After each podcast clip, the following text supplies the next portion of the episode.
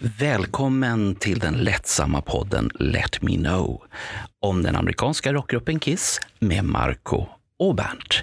Nu kör vi!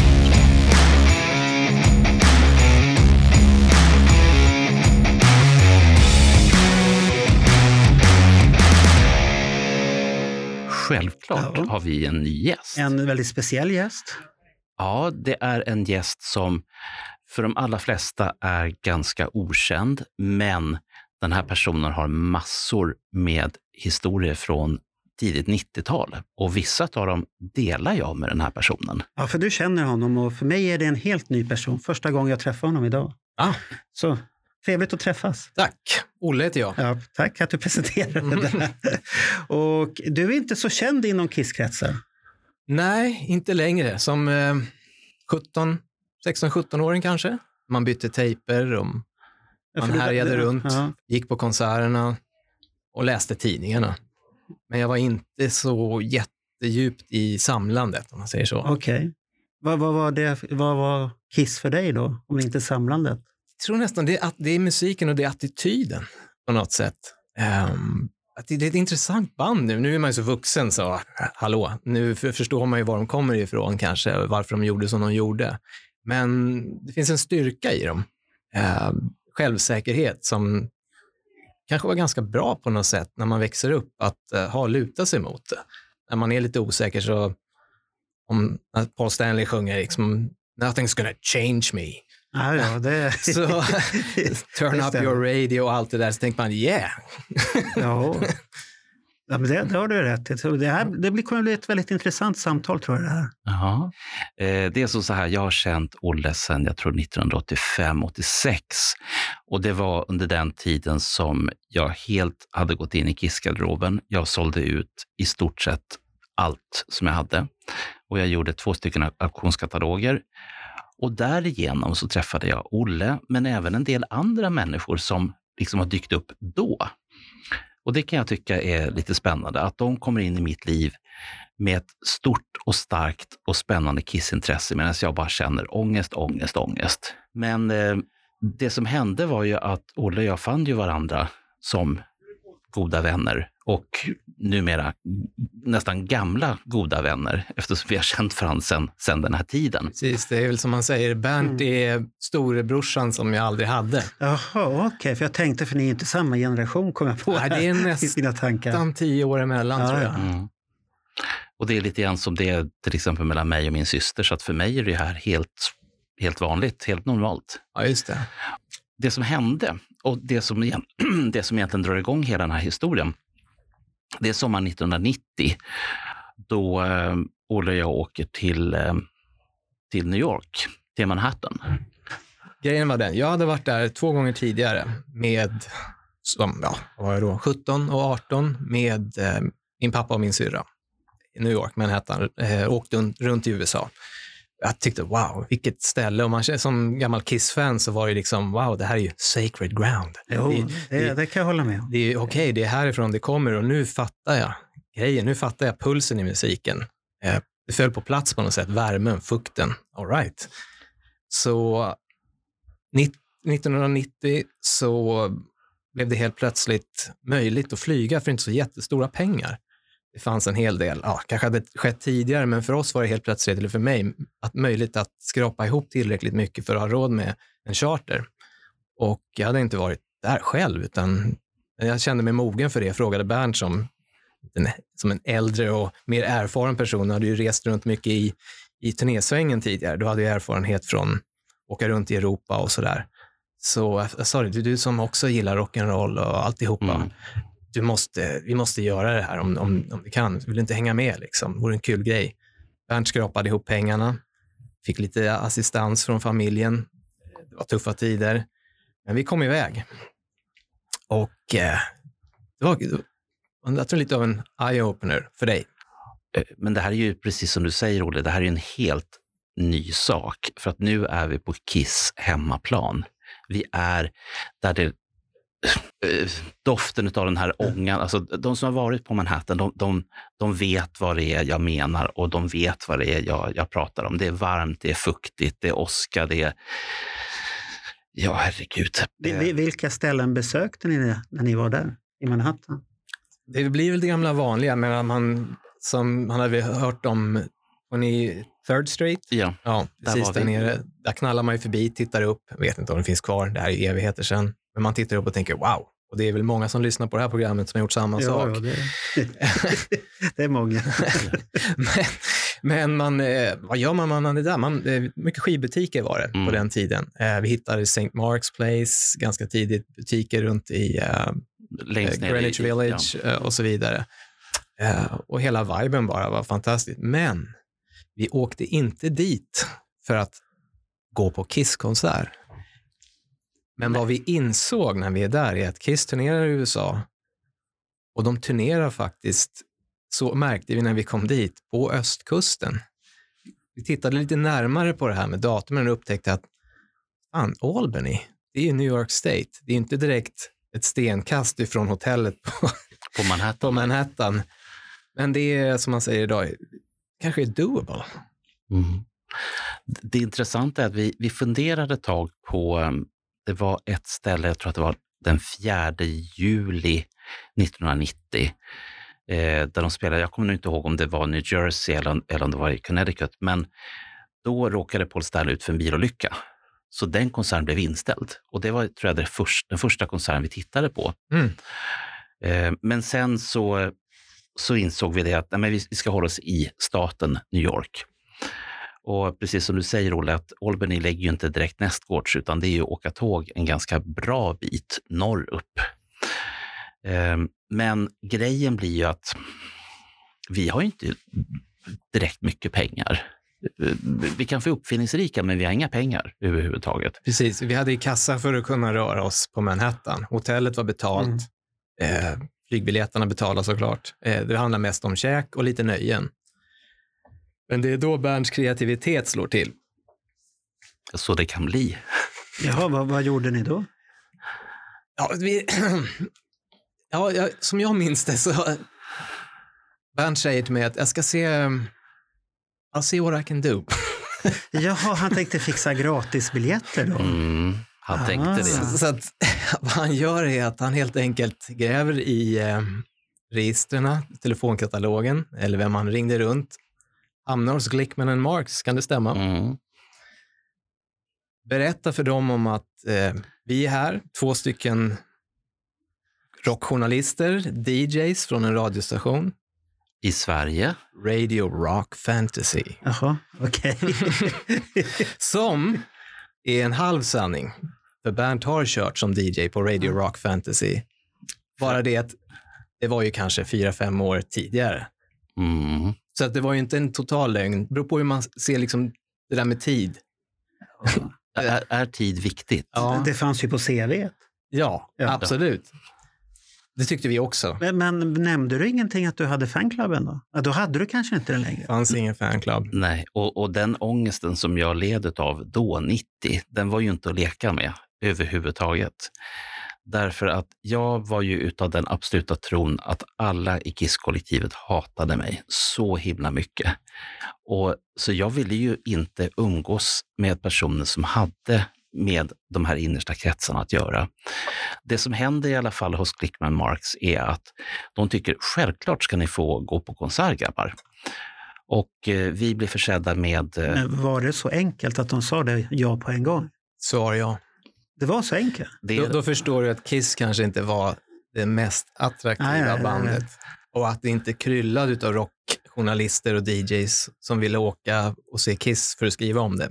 Speciellt inte som hade rest dit från ett annat Nej, land. det, det, det kan ju vara orsaken det. och, och sen var ju eh, munlädret lite välsmort. Det lät... Så, eller så bröt du fint på svensk-engelska Mm. där också. Eh, Men, men det som händer i alla fall, och det, det är nu det blir lite jobbigt. För jag hade ju räknat med att, att de skulle släppa in oss bara. Vi hamnade på en gästlista och så, och så var det bra så. Nej, icke. Det som händer är att eh, det fixas biljetter till den här konserten. Och det är inte bara biljetter, utan det är presspass, det är pre-show, det är hela Killevippen. Och jag i det läget, återigen med den här ångesten som jag har, så tänker jag det, jag kan ju absolut inte träffa medlemmarna i Kiss och så säger de, Hörru du Bernt Månsson, för i helvete. Nu, nu börjar vi förstå Bernts paranoia i allt det här. Jag, jag förstår bara inte vilka höga hästar du har satt dig själv på. Eh, Att de ska vara ute efter dig. Nej, nej, nej. Det är Inte- som Gudfadern Ja, ungefär. Ja. Nu Nej, jävla klipper ja. vi om. Nej, nej, in, inte att de ska vara ute efter mig, utan bara, liksom, bara blotta tanken att mina idoler skulle säga att Hörru du Bernt, vi har hört om dig. Vi vet vem du är. Och, och, in, och inte på ett positivt sätt. Så det som... Hur, hur gammal var du här? eh, 28. Oh, ja, okej. Och du har inte kommit över sånt där? Jo, som, som, som jag har sagt ganska många gånger nu. Eh, det finns tre herrar i eh, vloggen Destroyer Alive. Det är de som Ja. faktiskt slet ut ur mig ur det här. För, för där bodde, i, i det här skiten så bodde jag i någonstans mellan 30 och 35 år. Just det här att alla hatar mig i Kiss-kollektivet och alla vill mig Ja, jag, jag trodde var, du, du skulle berätta att jag bodde hos mamma och pappa. Nej, nej, nej, nej, nej, nej. Det var, det var det jag trodde skulle komma Ja, ut. nej, nej, nej. Okej. Jag flyttade Ja, hemifrån när Ja, jag var då. 21, tror jag. Men, men du, du kom dit, men gick ni då på det här? Ja, vad vi gör är att vi naturligtvis tar oss ner i tid, eh, Grand Central Station, köper biljetter och eh, lite sådär bara, all right, vi åker. Eh, Ja. Se var vi, var vi hamnar. Jag hade kreditkort. Bernt hade inte det. Han hade sina traveler checks. Det var det, var det, det var det som gällde 1990. Ja, ja. Alla hade inte kreditkort 1990. ja, det var modernt. Eh, Nu, ja, det vet jag inte. lite så, ja, men vi, säg, säg som det jag låg lite före. Ja. I alla fall, vi eh, tar tåget, åker de här fyra timmarna säkert, upp Ja, till det, Albany. det var så långt bort? Ja, Fyra det, timmar? eller det kändes så. Åh, fy fan. Ja, ja. Det, var, det gick inte jättesnabbt Ja. om vi säger så. Eh, det är en bit upp dit. Kliver av, tar oss till arenan och som Bernt sa, förväntar oss kanske att bara det kanske kommer några biljetter ur luckan eller vad det är. Vi anmäler oss i alla fall. Nu är vi ju här, Albany, två svenskar. För det första undrar man, fan har vi hamnat någonstans? Eh, men okej, Al- Albany är ju dessutom en väldigt, väldigt liten stad. Eh, och det, alltså, den är inte större än Nynäshamn. Eller, eh, jo det är det nog, men det kändes så. ja, Om man säger så, eh, downtown Albany var ju inte då särskilt mycket att hänga julgran. Eh, det fanns, men de hade ju en Knickerbocker Arena, hette den inte så? Jo. Precis. Som låg ganska malplacerat i, i downtown rätt mycket tyckte jag. Mm. Och vi går fram till luckan, vi får ut de här biljetterna och prepass. och, och en massa annat Ja. också. Men då var ju lyckan fullständig. Ja, men, wow, vad är det här för någonting? Ja. Vi vänder oss om. Bernt hör några röster. Jaha, Och det, och, och det är inte i mitt huvud som jag hör röster. Nej. Och de här rösterna är svenska röster. Och i det läget så då ville jag bara dö. Där och då. Eh, därför att jag, återigen, den här paranoian. Jag tänkte att de är ute efter mig. Okej. det sitter djupt. Har du bearbetat det? Ja, jag har bearbetat det här. Herregud. Vems röster var det du hörde då? Det var bland annat Johan Falks röst. Men, men det så att säga, som jag kan berätta nu innan eh, vi får prata med, Ja. med Falk och gänget, det var ju att som sagt, jag höll på att dö i det här läget. För jag visste inte riktigt hur jag skulle hantera det här. Och jag har i efterhand, alltså långt senare, jag tror det var i höstas, jag pratat med, med Johan. Och de såg ju det här som att wow, det är ju Bernt Månsson och hans kompis Olle. Eh, och det var inte alls den här paranoian som, eh, som jag hade i mitt huvud. Ehm, men ändå så blir det, jag har ju fortfarande det här kvar. Vi kan ju inte gå på, på pre-showen. Vi- kan ju inte utnyttja presspassen. Utan det som händer är ju att Olle som är en, en eh, duktig ung, ung man, han eh, ser till att vi åtminstone kan få ett hotell någonstans med hjälp av sitt kreditkort. Så att vi försvinner så snabbt som det bara går ifrån den här arenan. Och, och jag bara känner, fy fan vad jobbigt. Eh, och sen var det här med, med, med passen och så tänkte jag, det ska vi ge dem till grabbarna? Vad ska vi göra för någonting? Och, och vi tänkte att men, vi, vi får fundera på det här. Vi kan få träffa dem senare. Då kan de ju få de här grejerna. Vad, Huve vad Marco. tyckte du om det? Ja, alltså jag, jag kommer inte ihåg om jag hade träffat Johan tidigare i Nej. något sammanhang. Eh, men vi hade ju pratat på telefon mycket. Kanske att vi hade det när jag tänker efter. Men hur som helst, det var ju en smärre, jag ska inte säga chock, men jätteförvåning. Alltså den här klassikern, vad gör ni här? Jaha, Och de tittar på oss, vad gör ni här? ja, de trodde att de var ensamma. Ja. Ja. Och Bernt vänder sig om och han fipplar med de här passen där vid biljettluckan.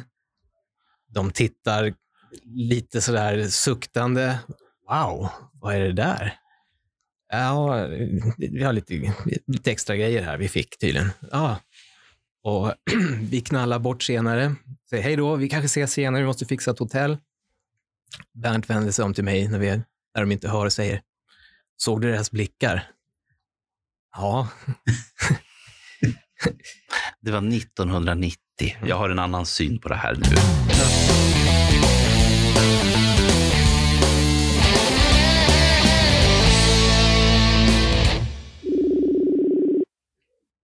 Ja, Johan? Hej Johan! Vi har precis tjena. pratat här nu med Bernt och Ola, eller Olle, för att säga.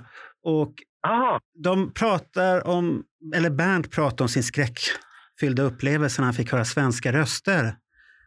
Den 7, den Ja. 7 juli 1990 utanför Knickerbocker Arena i Albany. ja, det stämmer. Det kommer jag ihåg. Ja, vad, vad, vad, skrämde ni? Såg, såg han skrämd ut? Nej, det, det har jag inget minne av alls. Utan jag kommer bara ihåg att eh, vi på, på håll där, vi gick förbi arenan. Det var väl långt innan konserten. Och eh, tyckte jag kände igen ett ansikte där. Okej. Jag, jag har aldrig träffat Bernt för, innan dess. Och, eh, så jag tyckte, oj, oj, oj, Bernt här? Det hade jag inte en susning om att han också skulle till USA och kolla på Kiss. Nej, det hade han inte själv heller. Så att det, Nej. det, har, det har vi förstått här i samtalet innan. Så att det så, så, så, så Bert, vad tycker vi ska prata med Johan om? Upplevelsen här. nu? Ja, eh, jag har ju precis pratat nu med alla Let Me Knows eh, lyssnare om den eh, eh, otroliga rädsla jag hade för Kiss-fans i nästan 35 år. Eh, som, som du minns så kom jag ju ut på eh, grabbarna i eh, Destroyer Alive hand om. Det var ju de som slet ut mig ifrån, ifrån min, eh, min otroliga Kiss-ångest som jag hade i typ 35 år. Och sen, Ja. eh, och sen visade det sig att allt det här var bara i mitt huvud. Det, det var ju ingen som tyckte illa om mig. Men, men, men tänk dig då att, att leva med det här. Och sen när jag träffade er, för det var du och vi- vilka mer var det? För det, det är lite så här äh, diffust vilka som hängde med dig till, eh, till Albany. Eh, jag, just vid det här mötet så måste det varit jag och Rickard. Men sen om Jonny var med eller inte, Nej, det kommer nej. jag inte ihåg. Jo, Johnny var inte jag med. vet att han, nej, han åkte iväg. Eh, men det var annars jag och Jonny och eh, Rickard som åkte tillsammans. Men vi träffade ju mycket andra svenskar också på den resan. Mm. Vi- Vilka träffade ni då? Eh, vi träffade bland annat Mats, Mats Wassfjord och Ulf Lorenzi. Sen var det Niklas Olsson och så Bernt och Olle då, och så var det Nick, ja, Nico är ju ingen svensk. Nej, Nej. Ni- Nico är ingen svensk. Inte ännu. ja, men det var alla de svenskarna vi träffade i alla fall. Det var inget planerat utan det var folk som vi sprang på bara. Det var lite roligt. wow. Ja, det kan jag tänka. Mm. Va, vad har du för minnen om spelningen? Ja, jag eh, såg fem spelningar och jag eh, skulle sett sex. Jag var helt förtvivlad där på första spelningen. Att den blev inställd och jag trodde väl att det var liksom att hela turnén kunde bli inställd. Så Paul hade råkat ut för en bilolycka dagen, eh, dagen innan tror jag det. Fjär, fjärde juli väl? Kan det Ja. stämma? I New Haven. Ja, Connecticut. Fjärde juli, ja. Ja. Det var, den, det var den konserten som vi hade siktat in oss på från början och gå på. Jaha. Men Ja. så ballade jag ur. Och sen var det All då, ja. Som du, var, du, var inte, du var bara på en konsert på den Ja. turnén, eller? Ja, Mm. det var den, det var den enda som vi var på. Vi, vi, har, vi har gjort lite annat bus också, men, men det är den enda konserten under den turnén. Eh, Ja, okej. I princip ut på att här är vi liksom på Kiss hemmamark. Det är klart vi ska se Ja. en konsert, såklart. När vi köpte våra charterbiljetter för den här resan mitt Ja. i sommaren så hade vi faktiskt inte tittat på något turnéschema från Kiss. Vi visste att de skulle, nej, vi visste att de skulle turnera, men det bara, Okej. det bara blev så att vi såg att de, Kiss är på östkusten och kolla, Ja. de är i Albany som vi tittar på kartan, inte är så jättelångt. Det, det är görbart med tåget. Mm. Och det var Ja. då vi bestämde oss för att vi, vi gör ett försök och Bernt i, did his magic Mm. och sen helt plötsligt står vi där. Ja. Va- Var ni på förresten på pre-showen då? Eller det här uh, Det- repet? Gick Det här, det här går, här går, här går åsikterna isär. Varför vi inte hamnade där. Det hade väl lite grann att göra med att vi måste fixa ett hotell. Första försöket gick dåligt. Vi, det, fanns, det fanns ett ställe nere, det här är en klassiker. Jaha. Det fanns ett ställe nere i centrala downtown Albany, det första vi gick till. Bernt tittar på mig som att okej, nu, nu Ja. börjar det klarna. Så vi, vi kliver in där och ba, han bakom disken tittar på oss två och säger So, what brings you two to Albany? Vad var det för ställe? och vi säger ah, We're here for the rock concert, the Kiss concert, säger jag Mm. innan Bernt hinner bromsa mig. Oh, Ja, säger han. okej. Uh, nah, we don't have any rooms. Så okej, så vi vänder därifrån, går ut. Nej, det är nog inget bra vi säger det, säger Bernt. Okej, ja men all right. Säg, vi säger något annat nästa gång de frågar. All right. Vad, fin- Mm. vad har vi för någonting annat? Nej, det finns något Best Western. Eh, lång, längre upp i stan, upp för, några, upp för typ- typ kullarna. Det var en bit upp Mm. på något vis. Liksom. Man, Ja, man, man såg, såg eh, liksom, ja, En rejäl promenad. en få rejäl säga. promenad. Så vi, jag tror att vad vi gjorde var att vi tog våra sista kontanter, åkte taxi dit upp, checkade in på rummet med mitt Visakort, för det är ett måste redan då. Får inget rum Ja. på kontanter bara. Nej, nej. Ehm, och eh, hängde där ett tag. Så här, vad ska vi göra? Hur ska vi lösa det här? Jag är rätt trötta, vi har varit uppe tidigt. och så här. Vi vilar lite grann och sen, sen går vi ner och ser vad som händer. Så tiden gick eh, och vi kände kanske någonstans så här att ah, kanske att det här pre-show vi är lite för coola för det. så är det nästan. Hör, du Johan vad han säger? Vi är för coola Ja. för det. Too cool for school. Så att det är liksom, ah, eller Oj, oj, oj. antingen var det det, eller så var det Bernts ovilja. Han drog ut på tiden för att, nej, jag vill inte. Och plus, som någon annan Ja. sa, det var ju så här att vi hade ju ljugit oss dit. Vi var, jobbade ju inte alls på en radiostation. Det var ju pure bullshit. Ja, men, Ja, ja. Ja, så att det, fanns ju en viss känsla av att de kanske dyker på oss där från management och säger! Liksom. Who are you? Ja, you, you're the two guys with the rock station. Och, och då, ah, okej, liksom. Show, show us your mic. Ja, liksom, let's start recording. Ah, we forgot the equipment at the ja, då, fanns, Nej, ja, då fanns ju inga mobiler heller. Så, att, Så att, så, att. Johan, eh, jag ska erkänna en sak för dig. Om, Ja. det hade, om det hade funnits mobiltelefoner 1990, Ja. då hade ni fått gå på pre-show. Okej. Jag tycker inte Johan lät så glad. Kom, var ni på pre-showen du och Rickard då? Eller ni hade Nej, inga sådana biljetter? Ni hade inga sådana biljetter där? Inte på den eh, konserten hade vi inte. Jaha, var ni på någon annan? Vi hade ju mm, backstagepass på en konsert. Ja, men då var det ju ingen synd om er.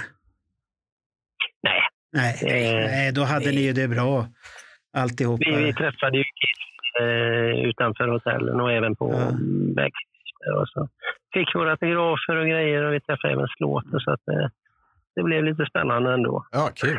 kul. Här, här, är, här, är- här har jag suttit här i hur många år som helst och tänkt att de skulle ha fått de här pre-show-passen. Ja, du ska ju skämmas fortfarande. Så där gör man inte.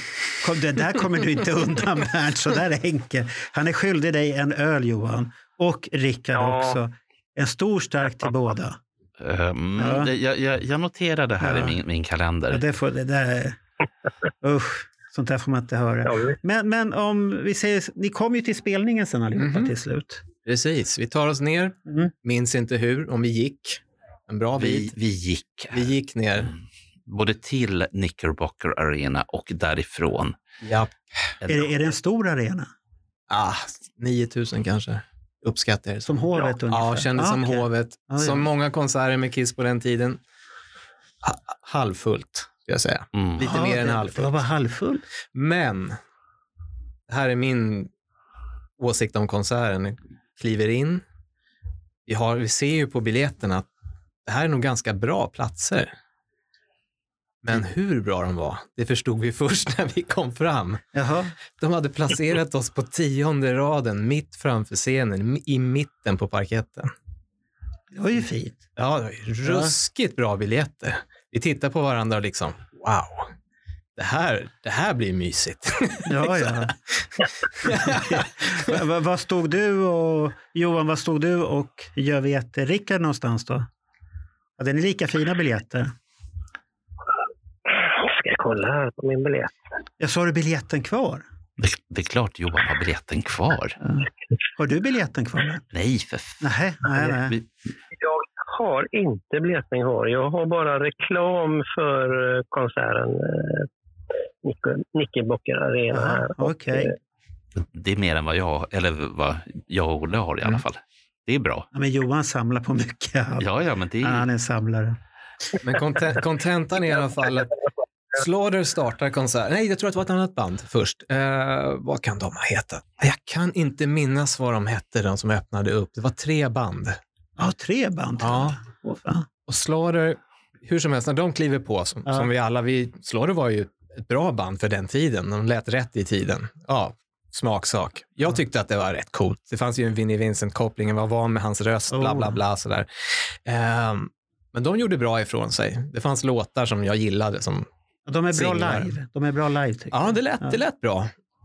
Okej, så de kliver av scenen och säger, ja, det, här, det här var ju bra rockkonsert. Bra, det här, det här, det, jag gillar det liksom. Ja. Och eh, sen är det Kiss tur. Och du vet, de tar bort skynkena och man börjar se den här stora scenen som för oss var helt ny. Jag menar, vi, det gick ju långsammare på den tiden. Det var ju inte så att man hade sett allt redan på tuben eller i Nej, tidningarna. nej, nej. och eh, de hade någon här gröna sörjan som rinner ur några rör och det var rök redan. Man förstår att oj, det här är de... Jag börjar få känslan av att okej, Kiss på hemmaplan är något annat än vad vi har fått uppleva i eh, Stockholm när man varit och sett dem, eller Göteborg för den delen. Eh, och konserten startar, det är ett mäktigt intro. Vi har ju alla sett det med eh, hur eh, munnen öppnar sig och alltihopa. Jag minns när eh, eh, de hoppar fram mot mikrofonerna och det, det är sånt tryck i musiken. Jag har aldrig varit med om något liknande, speciellt där vi stod. Eh, Stanleys röst minns jag skar som en kniv rakt i arenan. Det var liksom, det var 100% mer än Slaughter på alla nivåer. Och det var liksom, wow! Vil, vilken nivå liksom på showen och på soundet och bandet. Aldrig hört något liknande tidigare från ett rockband. Eh, så liksom, wow, det här, det här, yeah man, det här kommer bli bra. Jo, Liksom. men, det, men det var ju en bra turné. Ja, absolut. Det var väl repeterat, showen, ljusshowen, effekterna, allting satt. Det var, liksom, det var Broadway, Las Vegas. Det var eh, vältajmat. laserljus till max Japp, och syntar. just det. Det var ett tungt sound. De hade utan att vi visste om det, tror jag, keyboardisten Corbett som fyllde ut bakom. Ehm, men det var ju inget man stördes av. Nej. Så soundet, soundet var tipptopp och showen var tight. Så att jag, jag minns när vi gick därifrån så var det liksom, Yeah. yeah, vilken, vilken upplevelse. Just det här att typ två dagar innan hade vi ingen aning om att vi skulle vara med om det här. Nej, nej. Ha- ha- Hade Bernt ångest under konserten eller? Absolut inte. Att de skulle peka ut dig i publiken? Där är han. Tion, på tionde bänk på parketten och Ja, skulle det hoppa, vet man ju aldrig. hoppa ner från scenen och peka ut Månsson och säga att där är han. Den där svenska förrädaren. Ja. Nej, nej, nej, nej, nej. nej. hur, hur, hur tyckte du Johan det? Vilken, vilken spelning var det här på er miniturné? Ska vi se här, det var den... Det var vår andra spelning och eh, vi hade ju turen att få se både inomhus och utomhus. Mhm. Så det var ju perfekt tyckte jag. Det var lite mix. Annars kan man lite lätt tröttna när man ser det bara in, inomhusspelningen, när man ser så många som vi gjorde. Hur många totalt såg ni? Fem stycken blev det. Fem stycken. Var de tätt på varandra eller var det lite paus mellan dem eller var det varje kväll? Eh, de tre första var tre dagar i rad. Sen var det bara en dag emellan de andra. Okej, ja, då var det rätt Så så det- mör det på var- tredje spelningen kan jag tänka mig. Det brukar ju sätta Ja, sig det- någonstans. Sånt där. Ja. Men hade du också Nej. samma upplevelse som Olle hade? Ja? Att Jag tyckte det var en bra eh, turné, alltså, för att det var ju mycket eh, sköna låtar. Och, eh, de var pigga och energiska och tyckte, ja, de, de strålade energi och glädje på scenen tycker jag. Mm.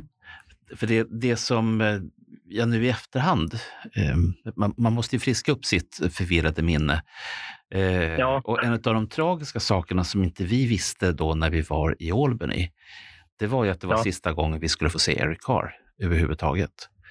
För att- Ja, just det. För han, eh, han var ju med till, eh, man hade en sista konsert på, ja, om det nu var i Madison Square Garden, men i, i New York i alla fall. Och det var ju mot Ja, var slutet, Square Garden. ja, och det var mot slutet på 90 och det var den sista konserten för Eric Carr. Och det är jag fruktansvärt glad över att jag lyckades träffa honom eh, på turnén och fick hans autograf och en bild med honom och sådär. Eh, Det är mycket sånt man tänker på nu efteråt. Att tänk om man hade vetat att det var så. Men, Ja. men, men tänk Bernt och Olle, ni hade ju haft chansen att kanske prata med honom där också. Men det sjabblade ni ju bort. Ja, jag, jag, jag, jag tar på mig det ansvaret. Ja, det måste kännas bittert nu efteråt. Alltså. Ja, men just så som det kändes då så var det, det, det var inte rätt läge. Men eh, jag, jag tar ansvar för det. Okej. Ja. Jag kan väl säga att jag hade inte modet och personligheten att åka ner själv och kliva in där med pre-show-pass och stå där. Rad, radiointervju. Ja, just det. Med risk för att någon dyker på mig och säger Hey, are, are you that guy from the radio station in Stockholm? Ja. Uh, Ja, det är... ja, maybe. men liv, livet har ju sin mening ibland. Det kanske var meningen att det skulle vara så. Det, känns, det kändes ganska bra ändå. Det kändes fint ändå. Förstår du? Ja, för konserten var bra. Den var Det var- det var- svinbra. Det bästa jag sett från Kiss. Det- Jag har en, en, en gruppfråga här nu till, till oss alla. Eh, för när jag som sagt började läsa på på den här turnén igen och jag hittade några konserter så upptäckte jag till min stora förvåning, och det här har jag inte heller tänkt på, det finns ingen som kommer ut och ropar “You wanted the best” eh, “and you got the best”, “the hottest band in the world”, Kiss. Eh, du Johan som hade sett fem konserter, fanns Mm. det med någonstans? Eller vet du, eller vet någon runt bordet här varför det här... För jag tror att det är den enda turnén som inte den här meningen sägs överhuvudtaget. Nej, Vet du om det var på någon av de andra spelningarna Johan? Som du såg? jag har inget, jag har inget minne av att jag eh, hörde det på, på konserten faktiskt. Var det bara sånt här mullrande som det var för att munnen skulle öppna sig? Mm. Det var bara det? Det. Ja. Så, så det kan ju finnas en, en logisk förklaring, men så här i efterhand då när man sitter och nördar tillbaka i tiden så blir det ju, har de missat någonting de som spelade in konserterna? Men nej. Det hade ju varit häftigt med den presentationen och så mullrar upp munnen och allt det här. Mm.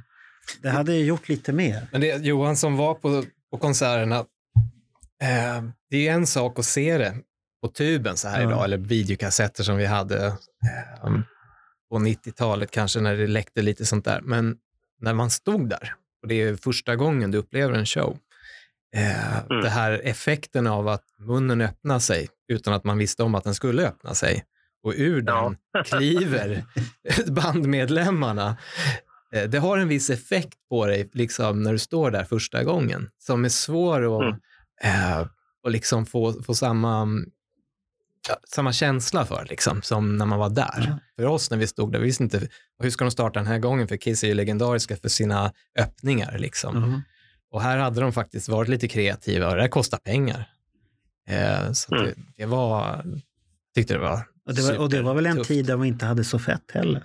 Nej, men de verkligen, man kan säga det om bandet, det ena och det andra, men de plöjde verkligen ner pengar som de kanske nästan inte hade i att hålla, hålla, liksom, eh, hålla det uppe, Mm. legenden om showen. An, anseendet att det är stort. Ja, Det är exakt. det. Loggan kom ju ner sent på, eh, i konserten. Just det, de hade ju inte Aha. exakt. det. Det, vi, precis, jag minns det. Den dök upp i I want you, tror Ja. jag. Först då? Ja. Då, jag vet Försvann inte, huvudet då eller kom den framför huvudet? Jag kommer inte ihåg. Henne. minns inte, det finns på tuben, men de gjorde det snyggt i alla Jag fall. Var Jag tror huvudet, det var framför. var huvudet kvar Johan? Det, det var kvar. Men det var en sån här ful Jag logga. Ja, den var, lite, Framför. den var väl lite mindre och inte, det var inte den där jätteloggan eller en klassiker, men det var en variant på den. Men var det, det var inte Asylum-loggan med de här lamporna, den blir så här Mm, nej. gigantisk stor. Nej, det var det inte. Och jo, loggan såg ju inte bra ut för det, den såg lite felproportionerlig ut. Så att eh, det var lite eh, ja, dåligt gjort tycker jag. Han, Ja, han, du fundera på det under spelningen? Att det här ser inte bra ut. Va? Tänkt på många gånger faktiskt. Du har gjort det? Okej, där ser jag. Hur, Ja. hur upplevde Rickard det? Var, hade, var han också euforisk under den här resan? Ja, vi, vi tyckte ju båda två att det var en bra, bra eh, turné med många bra spelningar. Ja. Jag har för mig att det var en hel jord med svenska Kiss-fantaster och inte bara ni, utan typ så här ett gäng med Ja, Pensionärsbuss. ja, en liten pensionärsbuss. Då.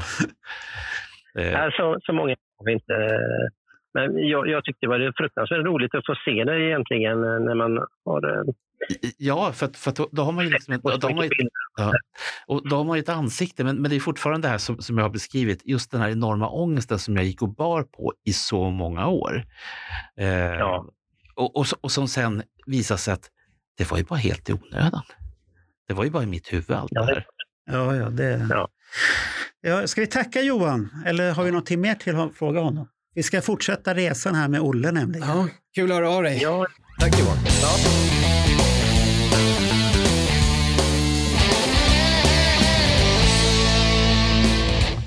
Phil hoppade av ersatte vi honom med sångaren Philip Anthony.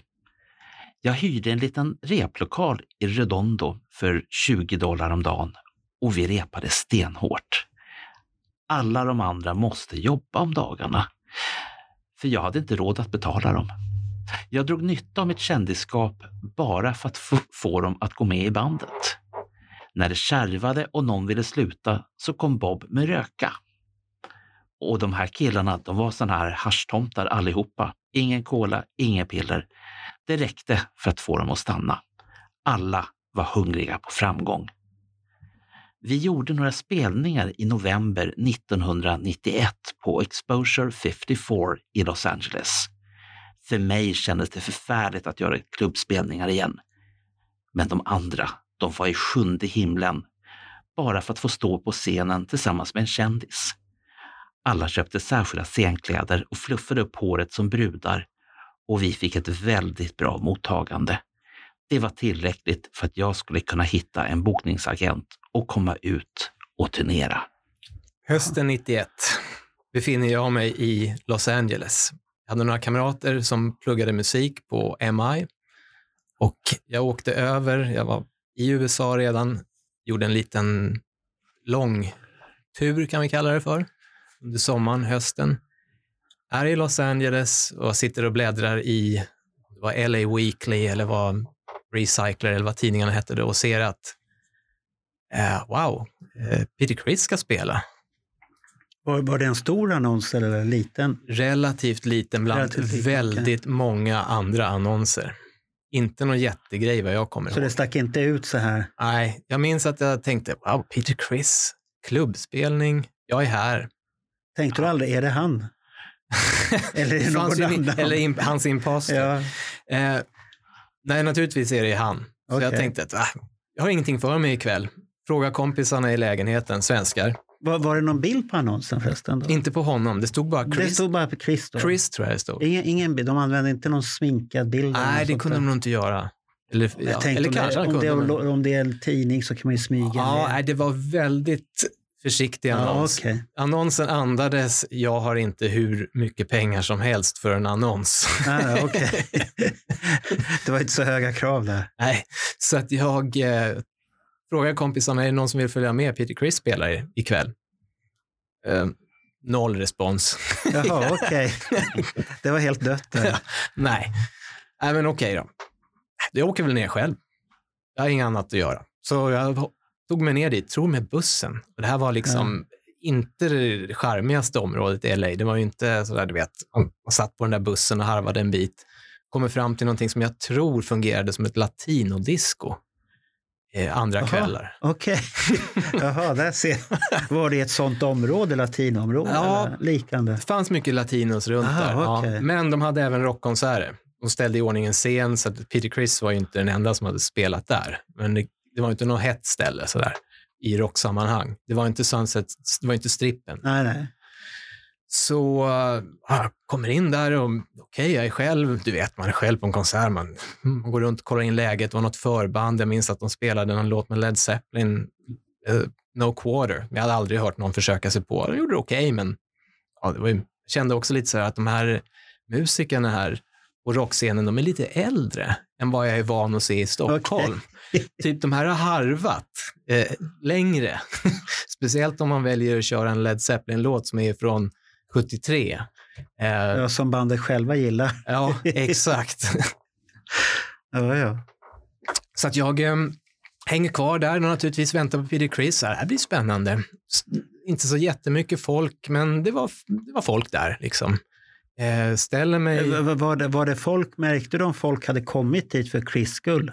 Definitivt. Det kändes så, så publiken var var, det. där? Ja, Okej. så var det. Ehm, går fram, jag står då med näsan mot scenen på högersidan, eh, där det också är lite liksom, kravallstaket liknande grej så där till någon slags eh, annan del av klubben som fungerade som eh, kanske backstageområde i det här fallet. Men i, va- men i vanliga fall så var det säkert ett, ett ställe där man kunde gå bort från dansgolvet och hänga.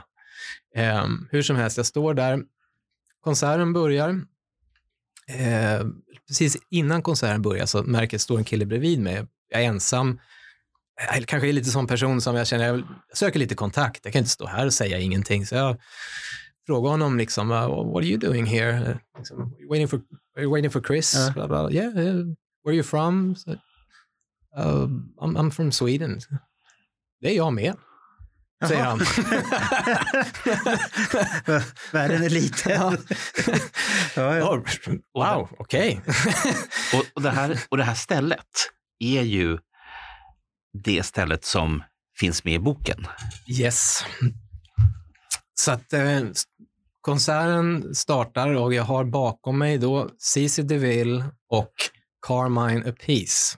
Oj, De stod precis bakom mot väggen och de behövde förfriska sig i näsan för att göra konserten ännu bättre, om vi säger så. Jag, jaha, okej. Då- jag, såg, jag såg hur det smusslades med grejer. Ja, ja. Och eh, de verkade väl ha det kul. Men eh, så titta på konserten och lite intressant så här, man som gammal Kiss-fan, man står vid sidan, man ser Peter Criss, han har ju sina moves liksom. Men du står bara så här fem meter ifrån så är det liksom, yeah, det, det är hans licks, hans, man säger, hans, hans moves, hans, hans rytmik. ja. Jag minns att de körde kanske Nothing to lose och några- några stycken såna här Kiss-låtar och så fram och sjunga Beth. Men vad den här killen som jag träffade, den här svensken, säger till mig då innan konserten börjar, är- att eh, ja, jag, jag är inte här bara för att jag är Kiss-fan. Eh, jag har också det här, säger han. Så tar han fram ett eh, journalistpass och viftar med. Wow, Aha. okej. Jag skriver för, eh, för en kvällstidning. Jag minns inte vilken. Eh, Vi ska se om vi kan, vi kan göra någonting. Okej, så jag. All right. Konserten är slut och ehm, han får kontakt med han som har hand om gaten dit bak, viftar med passet, pekar på mig. You're in. Så vi glider bakom scenen, in bakom det här rummet. Kommer in dit och där står i princip familjen Chris. Så att eh, Peter är där. Eh, några stycken står runt honom, ett litet entourage, eh, lite autografer, lite snack efter showen. Oh, you know, great show, bla bla bla. Jag står lite vid sidan där. Jag tror att han journalistkillen är mer på. Så jag står där och be bevakar lite så här, fan, hur har jag hamnat här liksom, tänker jag. Men till, till, höger om mig så ser jag att det är Peters fru som står. Hon ser lite ensam ut. Så här. Alla håller på att snacka med hennes gubbe. Jag tänker att, nej men, jag snackar lite med henne istället. Så jag tar några steg upp och så frågar jag liksom, ja, kul, ja. Du, ska man hitta någonting, liksom break the ice, ja. säger. Vad ska jag prata om? Um, så jag frågar, ja, du hette, stämmer det att du hette Svensk i efternamn en gång i tiden? Eller om det var då? Jag, ja, eller jag visst, minns inte vad hon svarade, men hon sa att eh, jo, det stämmer. Ja, okej. Okay. En svenskättling? Ja, min, min pappa tror jag hon sa. Ja, kan du någon svenska? frågar på engelska. Ja. You know in Swedish. Nej, men min pappa kan det, säger hon och pekar på honom. He's standing over there. Jaha. and, och, Vad hände då? Uh, and uh, Peters brothers here too, and uh, bla bla bla. Liksom. Så de, Peters brorsa stod och sköt uh, pool, som man säger, spelade biljard. Ja. Farsan stod en bit bort. Uh, han såg ut som en typisk svensk, lång, smal man. Men okej, okay, så, att, all right, så familjen var där. Så det här var liksom en, lite av en big deal för, för Peter att få spela på den här klubben oh, ändå. Så stod och pratade och tänkte jag, okej, okay, fan, nu har jag hamnat här bakom. Jag måste ju ha något bevis när jag kommer hem till polarna. Liksom. Jag har ingenting med mig. Så jag grävde i plånboken och hittade en dollarsedel. Okej. Okay. Så att jag går fram till Peter och säger, uh, could I have your autograph? Just, just need something. Liksom. Så han eh, tar fram, jag tar fram dollarsedeln, han skriver sitt namn på den, så tittar han på mig och så säger han the most obvious förstås. Whatever you do kid, don't go broke. Okej. Okay. Prata om egen erfarenhet. så där ser man. Så all right, thanks. Uh, och uh, hängde kvar, sen bryter det ju upp naturligtvis. Folk åker till sitt. Uh, och jag började fundera på hur jag skulle ta mig hem. Jag tackade väl, sa väl hej då till den här journalistkillen. Jag ska gissa han var ett, två år äldre än mig kanske.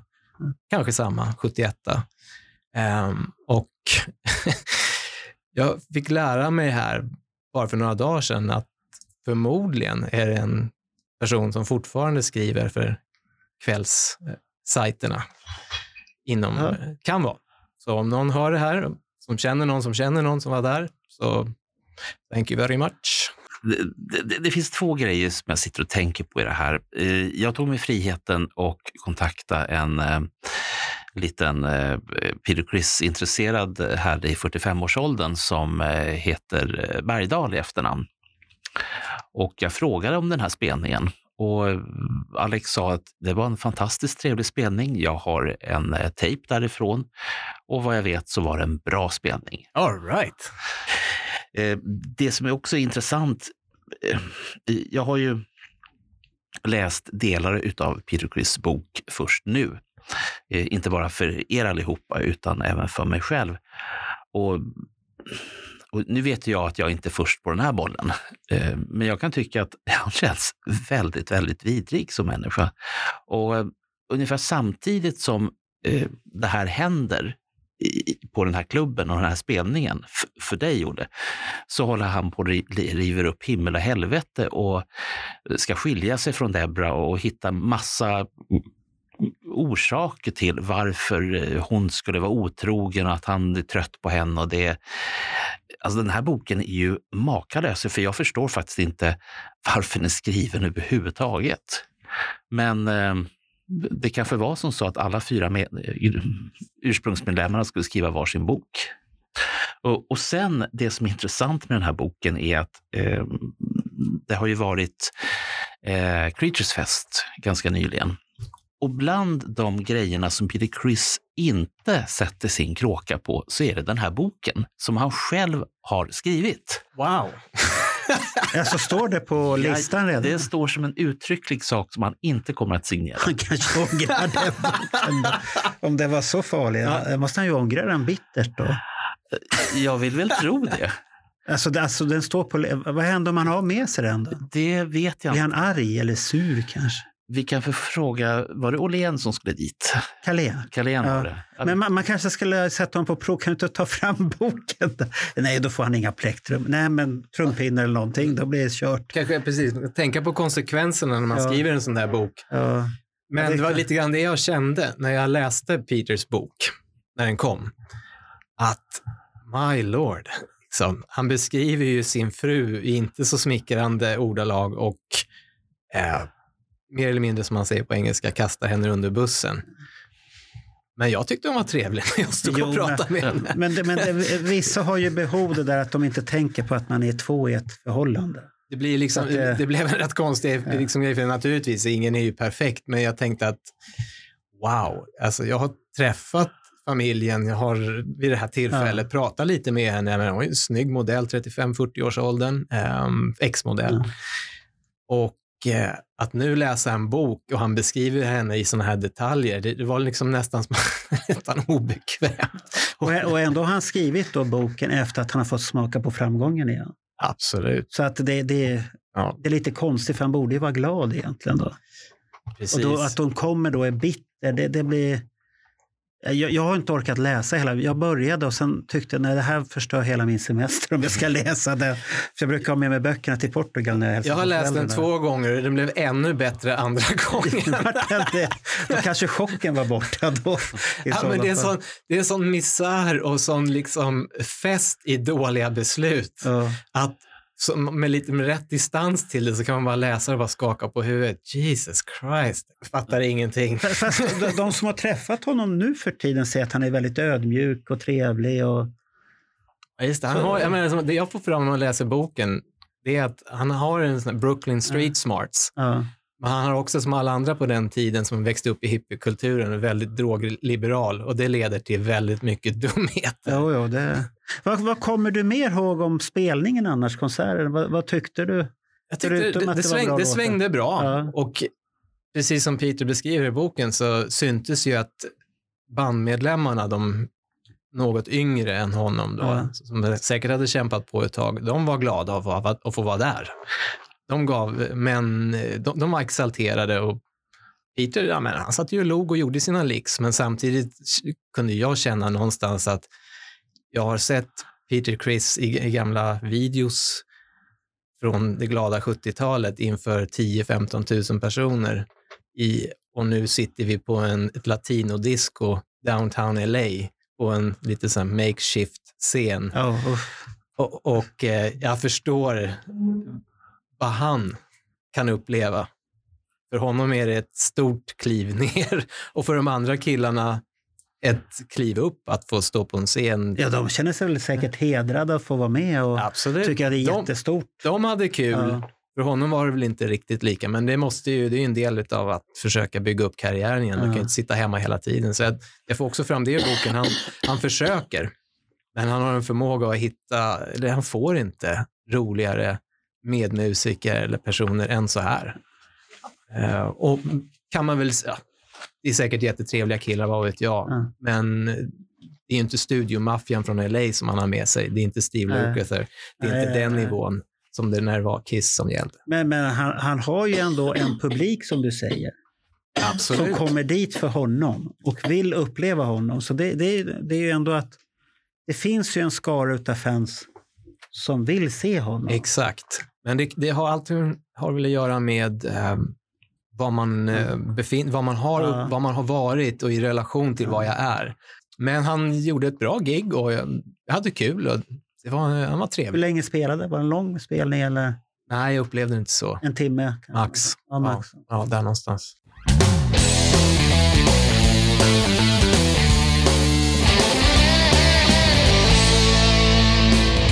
Men du hängde ju där ett tag och du har ju varit med om annat också som eh, jag kan tycka är lite småintressant om du vill berätta om det. Precis. Eh, inte så långt ifrån hotellet eller lägenhetshotellet där som vi delade bodde i. Så nedför backen så har vi Sunset Boulevard. På Sunset på den tiden så låg alla stora musikaffärer. Känner säkert många till.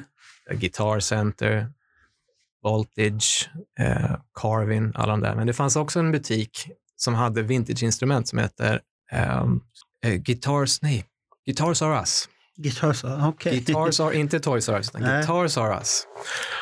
Och de hade specialiserat sig i vintageinstrument.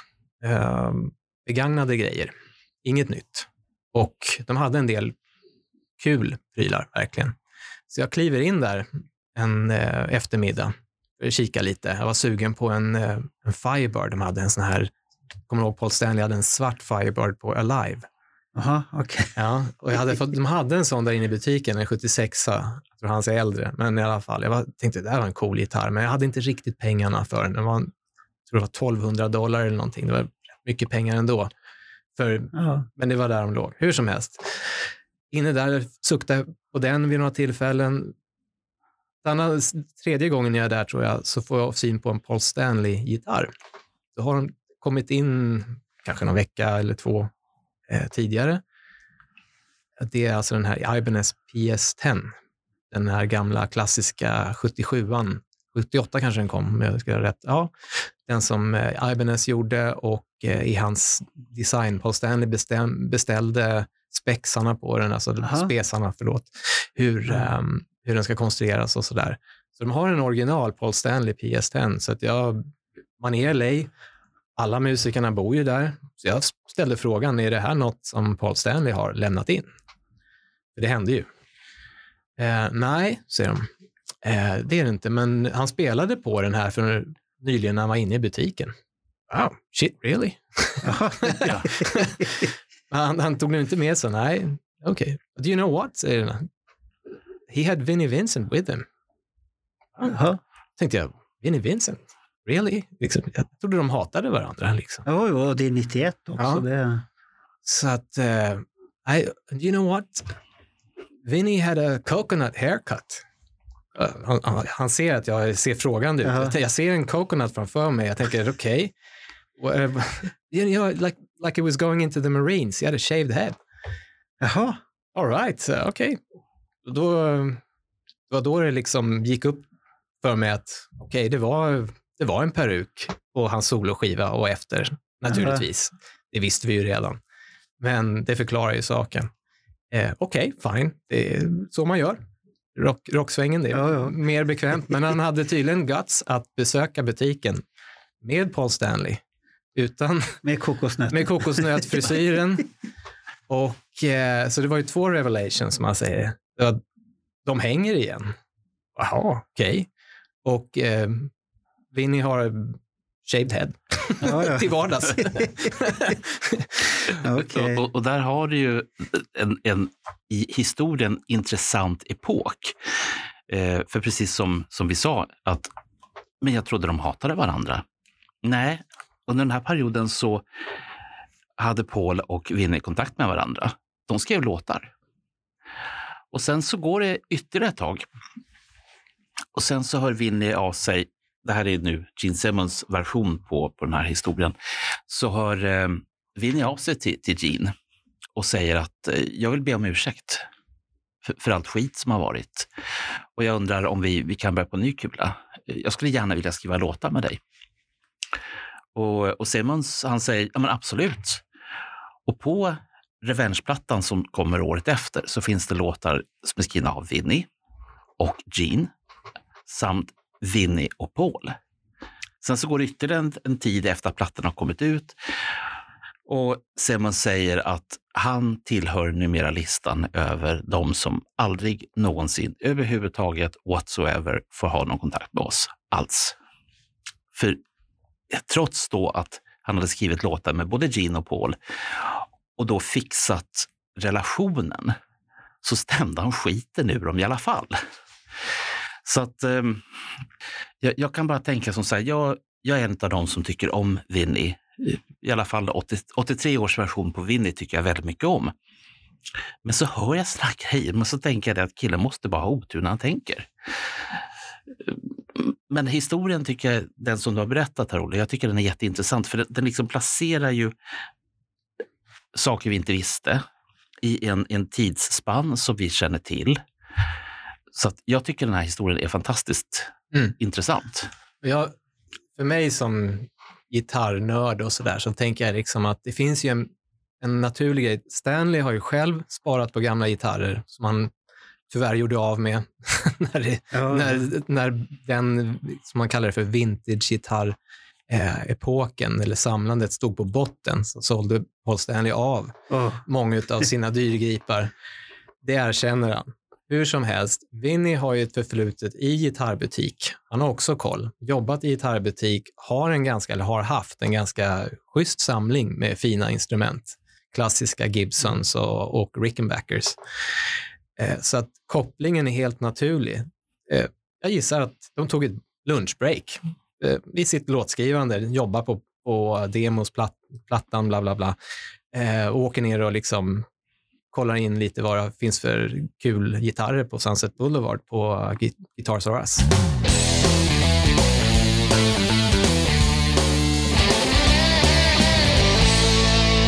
Jag hörde på omvägar, det med Los Angeles då kryllar ju utav det var ju precis, eh, det kryllade, det var ju precis det, det som man kallar för the tail end utav hela den här hårdrockseran. Eh, där liksom Los Angeles och Sunset Strip fortfarande var fullt utav glamrockband eller rockband, men det hade börjat komma lite nya vibbar. eh, Sådär lite hårdare grejer som Alice in Chains hade börjat spelas, kommer jag ihåg, på, ja, på, på diskorna, eller på rockdiskorna på Rainbow och sådär. Och man, eh, man såg alla de här eh, storstjärnorna till och från runt där. Jag vet, Slash och Duff McKagan brukar alltid dyka upp på klubbarna när vi var där och sådär.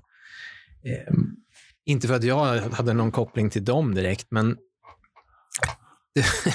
jag minns en situation igen, refererar tillbaks till Albany, där jag hade kontanta medel på fickan, men andra inte hade det. Vi var på väg in på Rainbow och är lite sidospår, men den är bra. Ja. Står i kön, står en man, kanadensare bakom, lite äldre än oss andra. Och eh, när vi ska gå in där så visar det sig att det är 10 dollar eller för inträde på Rainbow, som är en restaurang egentligen, I Los Angeles. i Los Angeles 91. Mm. Och eh, han undrar, är det någon av er som, som, har, eh, som har pengar att låna ut mig? Jag, jag, jag har mina polare där inne. Jag, jag, har, jag är manager, jag har hand om ett band, de är där inne. Så att jag vänder mig om och säger, ja visst, jag, jag kan låna det här, en 20 dollars sedel, det är lugnt. Så jag lånar ut den till honom. Och han var helt, han kändes som 100% pålitlig. Så vi, vi går in och jag får tillbaka min peng och det visar sig att han är manager för, jag tror att det var, var det Guns N' Roses eller om det, Jaha. eller om det var Metallica. Metallica var det, förlåt. Metallica. För vad som händer där inne är att jag får tillbaka mina pengar. Fine, ingen stor grej. Och eh, min kompis som är med, han är också svensk. Han är trummis. Han heter Lars. Och vid de här båsen så sitter Lars Ulrik. Och vi blir presenterade för Lars Ulrik. Okej. Kul. Så kanadensaren säger, det här är Lars. He's a drummer and he's from Sweden. Scandinavian. Och Lars Ulriks eh, kommentar till det är ungefär, och. Och, ja, ja, vad ska jag göra åt det?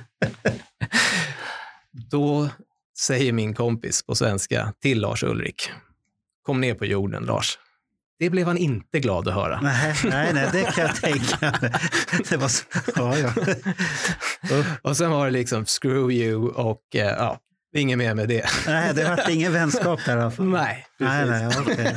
De, de som hade samma förnamn och, och tyckte om att trumma båda två. Ja, och från Skandinavien. Men hela stan då bubblade av det här. Hela, hela hårdrocks showbiz var ju där och alla, så många människor från Skandinavien, ifrån ehm, andra delar av USA, alla hade åkt dit med sina band eller tänkt starta band i spåren av Motley Crue, Van Halen och då Guns N' Roses som var störst och skulle liksom lyckas. Ja. Det, var, det var ju meckat. Det var Men ändå var det slutet av den eran. Och det visste nog de inte själva. Det är det som är så fantastiskt. Det, det kändes som att det är det här betyder så mycket, det är så stort, det kan aldrig Ja. ta slut. Jag står i en skivbutik mot slutet av min lilla eh, ja, tripp till, till Los Angeles. Då. En skivbutik, ganska stor kommer jag ihåg, nere på La Brea.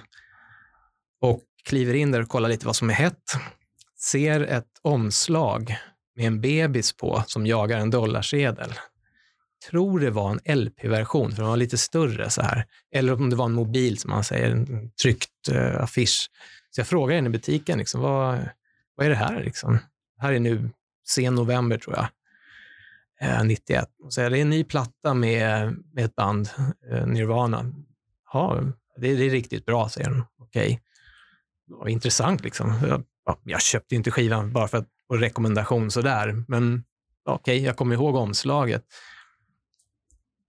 Spola fram några veckor, jag har flugit hem, eller på väg att flyga hem, landar i Connecticut, där jag har släkt. Och då har den här videon, Smells Like Teen Spirit, börjat spelas på MTV. Och jag känner igen eh, i reklam för plattan kanske, eller om det är ja, MTV de pratar om det, omslaget. Så att, oh, det där känner jag igen ifrån ja, några veckor, en månad sedan i Los Angeles.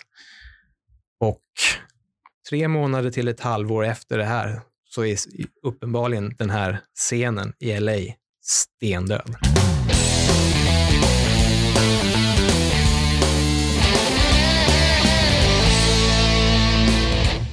En annan intressant historia är också att det fanns en klubb som hette Spice nere på Hollywood Boulevard.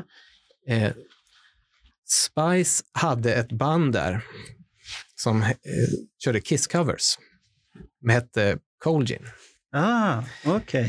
Jag och en kompis, Gunnar, Rest is peace, inte med oss längre. Vi gick ner och kollade, för här, vi brukade, Spice var nära och lätt att nå. Så att jag minns att jag såg Cold Gin där på den här klubben och det var ju som att, som man säger, om, om man bara blundar lite sådär halv, squint your eyes, som man säger, så var det Kiss 75 på scenen. Det lät som det och det såg ut som det. Det var chockerande likt för ett tributeband. Och efter konserten, så de var ju inte kända som personer, så minns jag att jag frågade han som spelade Ace, vad, vad säger liksom eh, bandet om det här? Nej, it's all approved. It's, it's all good. I know them. Det var Tommy Thayer. Ja. du har varit med om mycket grejer som du inte anat egentligen vad det har varit för någonting. Uh, Forrest Gump. Ja, ja, det låter som det lite. Jag hamnar här och hamnar där. Ja, det, det, är fantastiskt. Men ing, han, Tommy Thayer visste ju inte att han skulle bli medlem i Kiss. Det var ju 20 år framåt säkert, ja. eller något sånt där. Jag vet inte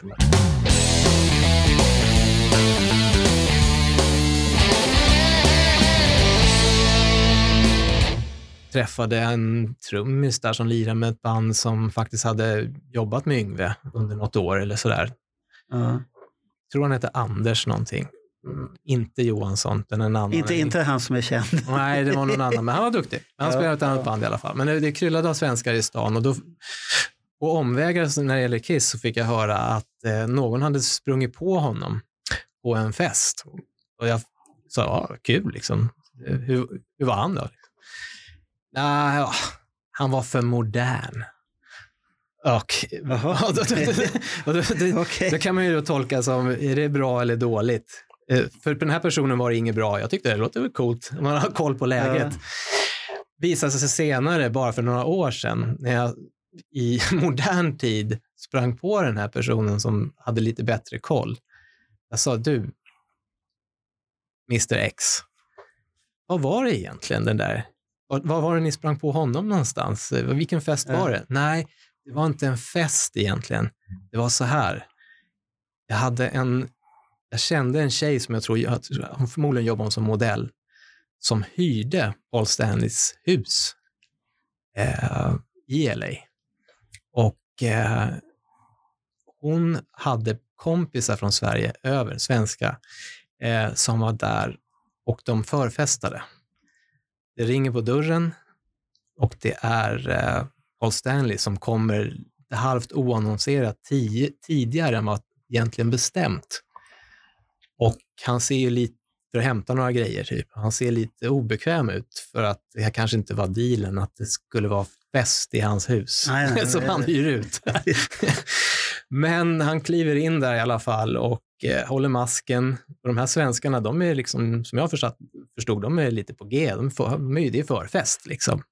De sitter och sjunger svenska snapsvisor och får syn på honom och tycker att wow, det här är ju kul, du ska ju vara med. Så de drar ner honom i soffan. Och, han... eh, För, för de var medvetna om vem det var från början? det var de Ja, absolut. okej. Men igen, LA, Kiss, 91. Det var så mycket band. Kiss var liksom inte, de var respekterade men kanske inte var det hetaste på, eh, på scenen. De här killarna var ölförfriskade och kändes lite starka. Du ska vara med och sjunga. Och ehm, han sitter där och enligt personen jag träffade ser smått obekväm ut men eh, väntar ut det lite grann och sen börjar folk förstå att äh, men vi ska nog dra. Jaha.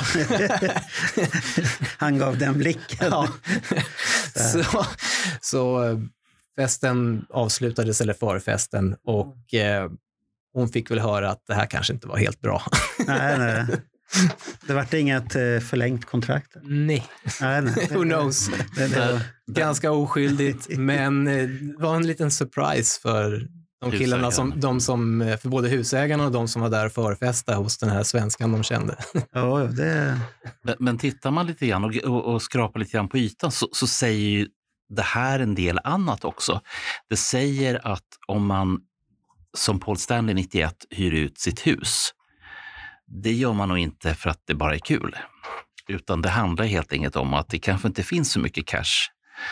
För att om man tittar, i alla fall i en del av de här böckerna som har skrivits runt den här tiden, 90-91, att det, det fanns inte mycket pengar. Och både Gene och Paul hade en, en förmåga att leva långt över sina egna tillgångar. Mm. Och då måste man ju hitta något sätt att få in cash på. Ja, om, om lägenheten står tom i tre månader och det betyder 4-5 tusen dollar som du, inte, som du kan lägga på något annat, visst.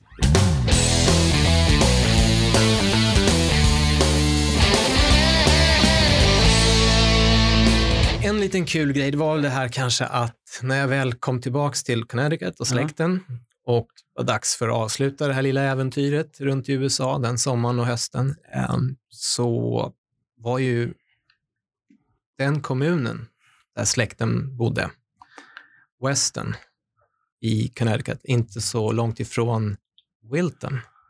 mm. Och jag hade fått adressen av en annan gammal Kiss-fanatiker som jag träffade i LA under någon dag eller två. Som eh, kanske ska remain nameless. För att jag vet inte om han har någon lust att vara med i sådana här sammanhang överhuvudtaget. Han var jättetrevlig i alla fall. Jag har för mig att jag fick adressen av honom. Han sa Connecticut. Well, that's where Ace has a house. Okej, okay, um, all right. Så jag fick adressen och visade sig att det är ju, Wilton var ju grannkommunen till Weston. Så jag säger till Andrea, min eh, släkting, min eh, morbrors fru, att jag skulle vilja se det här huset, eh, bara lite grann på koll, bara kul. Och, ja, visst, säger hon. Vi- Varför inte? Så vi hoppade in i Broncon någon eftermiddag, kommer jag ihåg, där i eh, december och svängde upp, hittade stället. Så att svängde upp bredvid det här huset. Och det jag minns var att det var lätt att komma fram till det förhållandevis. Det fanns inga bilar parkerade och såg öde ut. Men det var definitivt det huset. Jag kände igen det från bilder i poster. Ah, ja. Och, eh, men det såg lite skabbigt ut och tomt. Så det var för, förmodligen kanske redan då till försäljning eller han bodde någon annanstans, jag vet inte. Min förhoppning var ju inte att knacka på och säga hej, let's, let's hang. Utan det var mer bara ren eh, sådär, nyfikenhet. Hon styrde, så att det, var hon, det var hon som styrde så pass nära som vi gjorde. Min, min intention var inte att köra upp på uppfarten. Jag tror inte vi gjorde det, vi vände. Vi, men det var bara att köra upp ja, ja. det var, var inte särskilt. Jag såg den här legendariska eh, ingången till studion som låg där under gräsmattan, där man normalt kanske placerar ett, eh, en, en car, carport, eller liksom, Ja, ja. ett garage. Så jag, så jag kände igen det. Liksom. Oh, fan, det, är, det är det här huset. Jag är här. Men okej, ja, ingen här. Och jag hade inte tänkt göra något i alla fall, men nu har jag varit här. I'm, I'm pleased. så vi åker hem igen.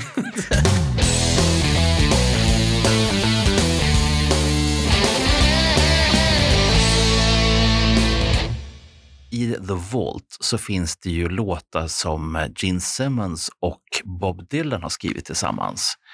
Och vissa av de här skulle ha varit med på Revenge om nu bara herrarna eh, Dylan och Simmons hade kunnat släppa på sina egos och bestämma sig för vem som ska skriva musiken och vem som ska skriva texten. Där kunde vi ha haft några Dylan-låtar på Revenge. Mm. Det, det, det, det är en spännande tanke. Helt snurrigt.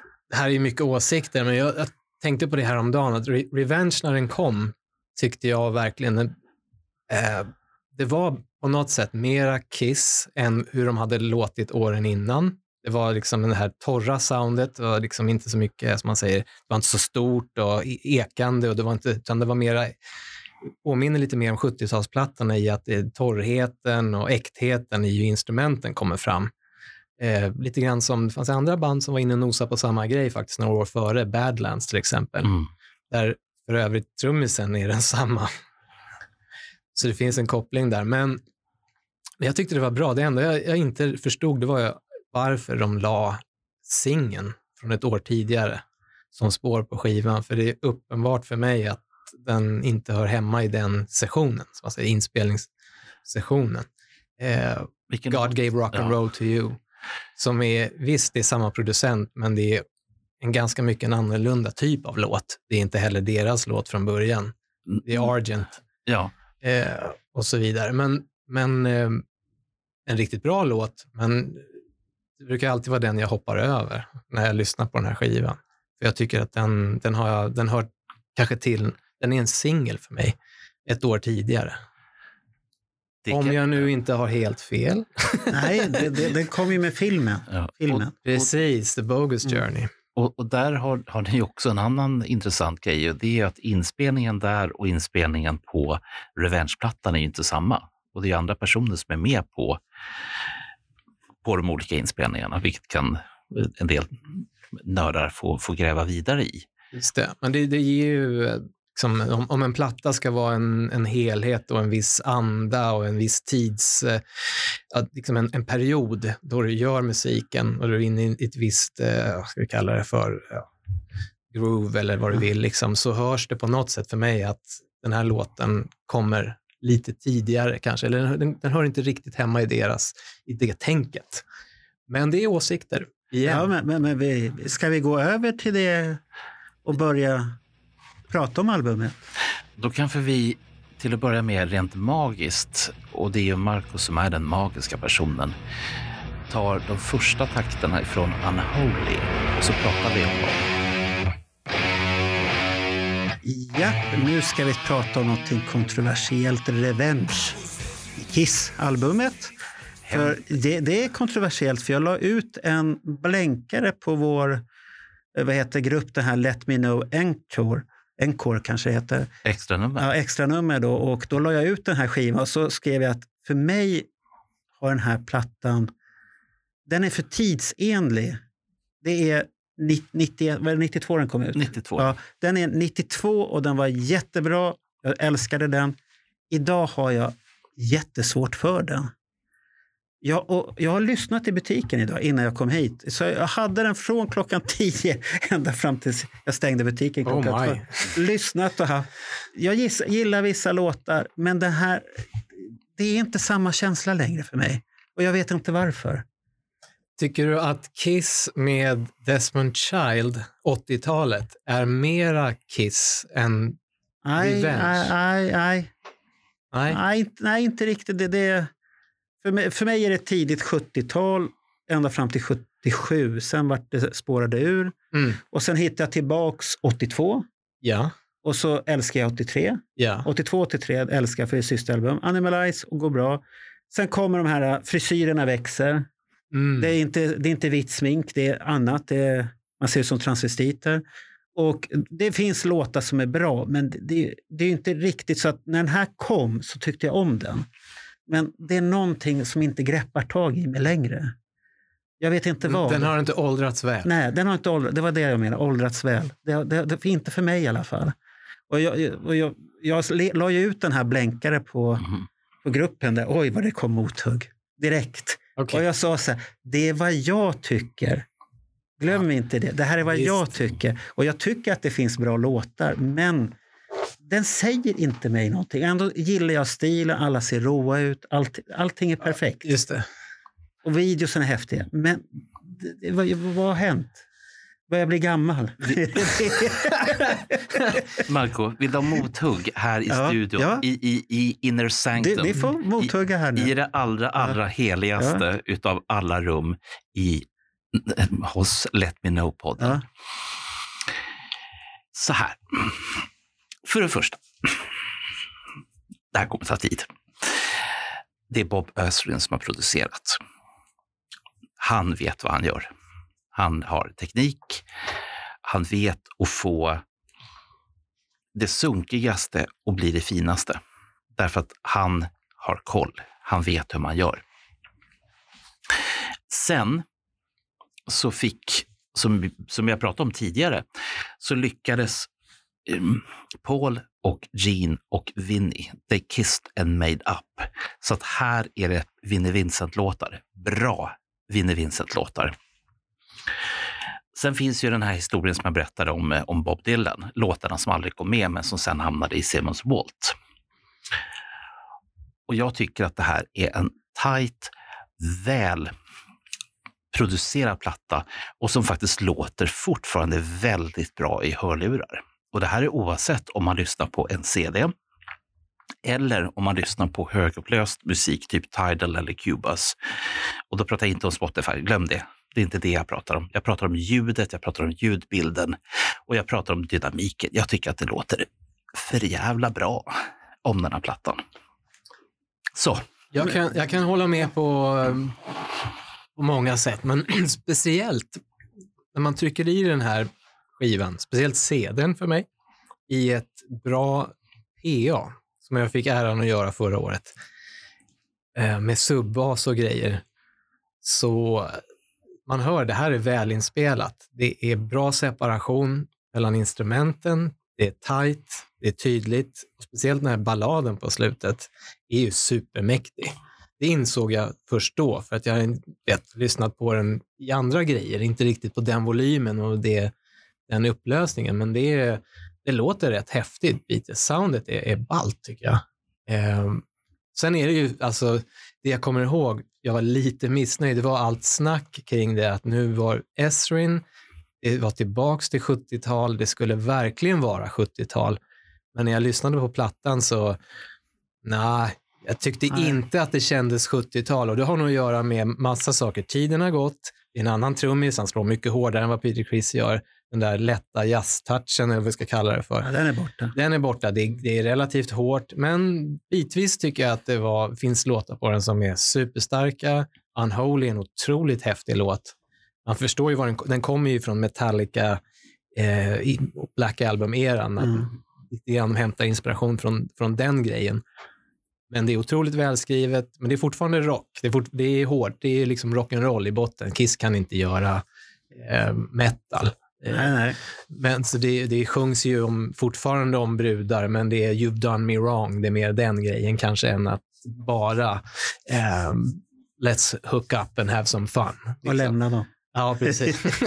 Som det brukar vara. precis. Men det Okej. finns, de- den, den grejen är kvar där, men det finns ett par riktiga guldkorn och det, det låter framförallt väldigt bra. Det, gör det. det är bra tryck i det. Man, man hör att man känner att de har lagt ner mycket tid på det. Jo, jo, skivan låter ju bra, Mm. men kittlar det någonstans fortfarande? det kittlar dödsskönt i kistan. Ja, just det. Jag hörde, jag var väl också på någon klubb här i Stockholm och de spelade I just wanna i Ja. P8. Och det lät så coolt, kommer jag ihåg. Wow. Liksom, det, de här, em, det är väl lite inspirerat av The Who, tror jag, så där, de här körerna i slutet som bryter av och lite Who's Next och de Ja. plattorna och sådär. Men eh, väldigt välgjort. Bra tryck. Eh, det kanske inte är klassisk Kiss, men samtidigt så, jag tycker det funkar. Det är, det är ändå Kiss-rock. För, för de har ju provat att spela Unholy på, med smink nu för tiden. Det var väl inte så länge sedan de hade den på... Funkar det verkligen? Nej, det var det det inte gjorde. Nej, nej. Det funkade inte. Men, nej. men, Gene Sim- Gene Simmons skulle se farlig det, det, Nej, det funkade inte. Men då blir det ju som så här, och det har vi pratat om, att den här plattan, Revenge, den får vi ge till Bruce Kulick. Den får han plocka godbitarna ur när han har sina spelningar. För Precis. Ja, ja, för han gör dem bättre. Är inte det lite hans eh, magnum opus, som man säger, eller magnum, alltså hans, hans mästerverk? Jag tycker oftast när man ser honom på tuben så är det alltid varit väldigt mycket fokus från Det, honom. det är väl första skivan han kan visa vad han är. Ja, och han spelar inte Ja, dåligt på de nej. andra Kiss-skivorna. Nej, det gör han men, men han har ju varit, kallats för trädet och allt möjligt. Han är blyger och Ja, fan. Men här är han helt plötsligt någonting annat. Som kommer fram ur... Ja, just det. Och det är, han, han kom ut ur garderoben. ja, just det. Enligt legenden så var det ju Esrin som, Mm. som tvingade fram det ur honom genom Ja. att reta honom tills han höll på att bli galen. Och Ja, men han och kanske på behövde för, det. Ja, precis. Och blev förbannad helt enkelt. Liksom att jag vrider upp volymen och eh, spelar riktigt skräpigt och, och, eh, och hårt. Och, liksom, om det är det du vill. Liksom, du vet, den Ja. attityden. Och eh, det sitter bra. Han gör, jag tycker han gör ett bra jobb. Men igen, är det 70-tal? Nej. Men å andra sidan, 50 procent av bandet är inte från Nej, nej, det, 70-talet. är det ju inte. Men... Så det är alltid svårt att, eh, tror jag, man säger liksom, vi, att, att gå tillbaks till att låta exakt. Det finns idag, tycker jag, eh, cover, eller så kallar det för tributeband eller band som är yngre förmågor som har bestämt sig för att göra 70-talsrock som får det att låta som Kiss 75. Ja. Eh, som gör det bättre än Kiss själva skulle lyckas göra det så det låter från, som, från 75. Men å andra sidan, de har skrivit låtar med Desmond Child och de har lyckats, jag tror att ifall Kiss hade låtit som 70-tal genom alla år så hade det varit dött för länge sedan. Jo, det hade det nog. Eh, utan det, det bandets, eh, sto, liksom, det kan man kalla det för vad du vill, antingen är det att det är väldigt kalkylerat eller att det är en, en förmåga, en storhet att kunna akklimatisera sig till tiden och hitta liksom, vad som Ja, gäller när, när den kom så var den ju, rätt. det var rätt. Det Precis. var, det var så rätt som det var, men Exakt. är den lite som grungen då? Kanske. Den, den var för tidstypisk. Mm. Och jag, har, jag lyssnar inte på Nirvana nu för tiden längre. Nej, man har, För att det, det. det, när det Mm. kom då, då tyckte jag att det var jättehäftigt. Och jag, jag köpte ju den skivan innan den hade slagit igenom, för via rekommendation Mm. på 55ans skivbörs som jag var stamkund på på Sankt Eriksgatan. Då. Vem, Och, och, vem- jag, och, jag, lyssnade, och jag lyssnade på den och tyckte att den var bra då. Idag, nej, det, det blir ofta offerkofta musik tycker jag. Det, Ja, det, det. deppigt. Jättedeppigt. Okej, vilka låtar är det som du fattar som... Alltså, alltså Nevermind, Nirvana. Mm. Ja, skivan. sorry. Nirvana, Pardon. Nirvana. Me. Den här uppfattar jag inte deppig, men det, det är det här att jag vet inte. Det finns låtar jag tycker, Unholy, Take It Off. Eh, sen har du God Gave Rock som inte, inte passade där. Domino, den var rolig när den kom, men inte längre. Det, det, Mhm. det, Kiss Go CC Top, Ja. inget för dig. Thou, Thou Shalt Not, den tycker jag är bra. Mm. Heart of Chrome är bra. Balladen är bra. Paralyzed är bra. I Just One är också bra. Okej, hej. De, är bra, Äh, men, hej, men hallå det, säg, det säger ingenting riktigt. det, det är inte som eh, många säger att Love Gun är tråkig. Där kan jag lyssna på skivan och tycka att den är, låten är bra. De fa, pass, passar där. Och då, den har inte dött. Jag kan njuta av den fortfarande än idag. Ja, just det. Men, men det kan ju vara som att jag kopplar den för mycket med grungen. För det var det man ville ju. Precis. Det, någonstans, vad som hade hänt var ju att, som vi kanske snuddade vid Ja. vid ett annat tillfälle, var ju att eh, de nya banden, grungebanden, hade växt upp med Kiss.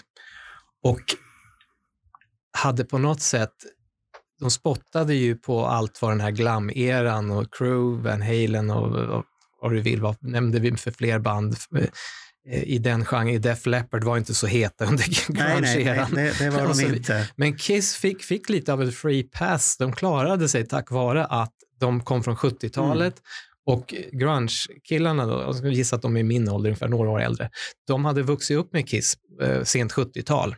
Många av dem hade säkert sett Kiss live med smink 79 och sådär. Och, eh, så, så Kiss var okej. Kiss var lite coolt att eh, Men, men, säga att sen, man men sen kom de ju med den här skivan. Sen kommer de med den här skivan precis Ja. mitt i när grungen är som, som all, nyast och hetast. Ja. Och det på något sätt så hamnar de lite grann, det är, det är 70-tal men inte tillräckligt mycket kanske. Det är samtidigt lite 80, lite modernt, men inte på det här sättet som grungebanden är. Nej.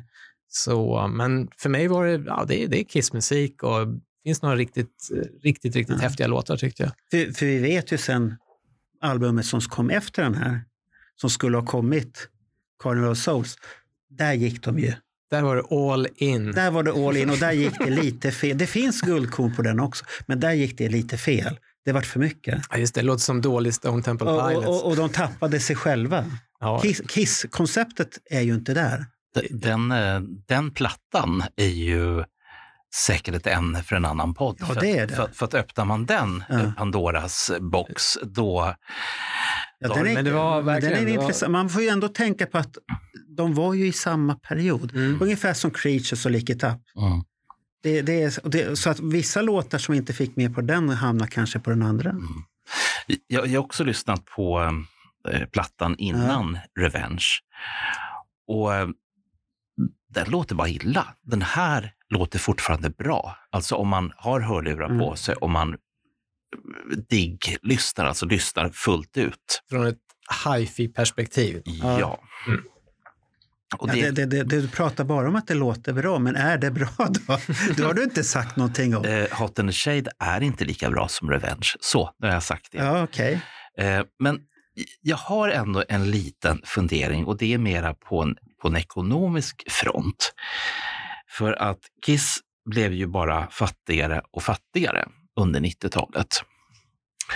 Och det gick ju så pass långt så att man, man hade sina egna konvent, sina egna Kiss-konvent. Och med tanke på att den här plattan, Revenge, den kom 92 och den sålde riktigt, riktigt bra. Den är ju guldcertifierad i USA. Det betyder att det är minst 500 000 ex, säkert mer som har sålts.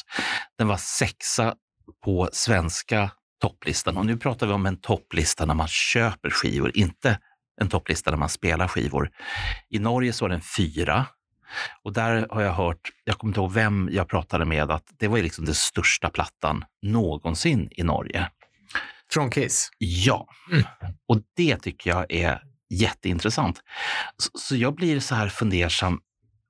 Eh, Plattan är jättebra, den sålde bra och ändå så var Kiss panka.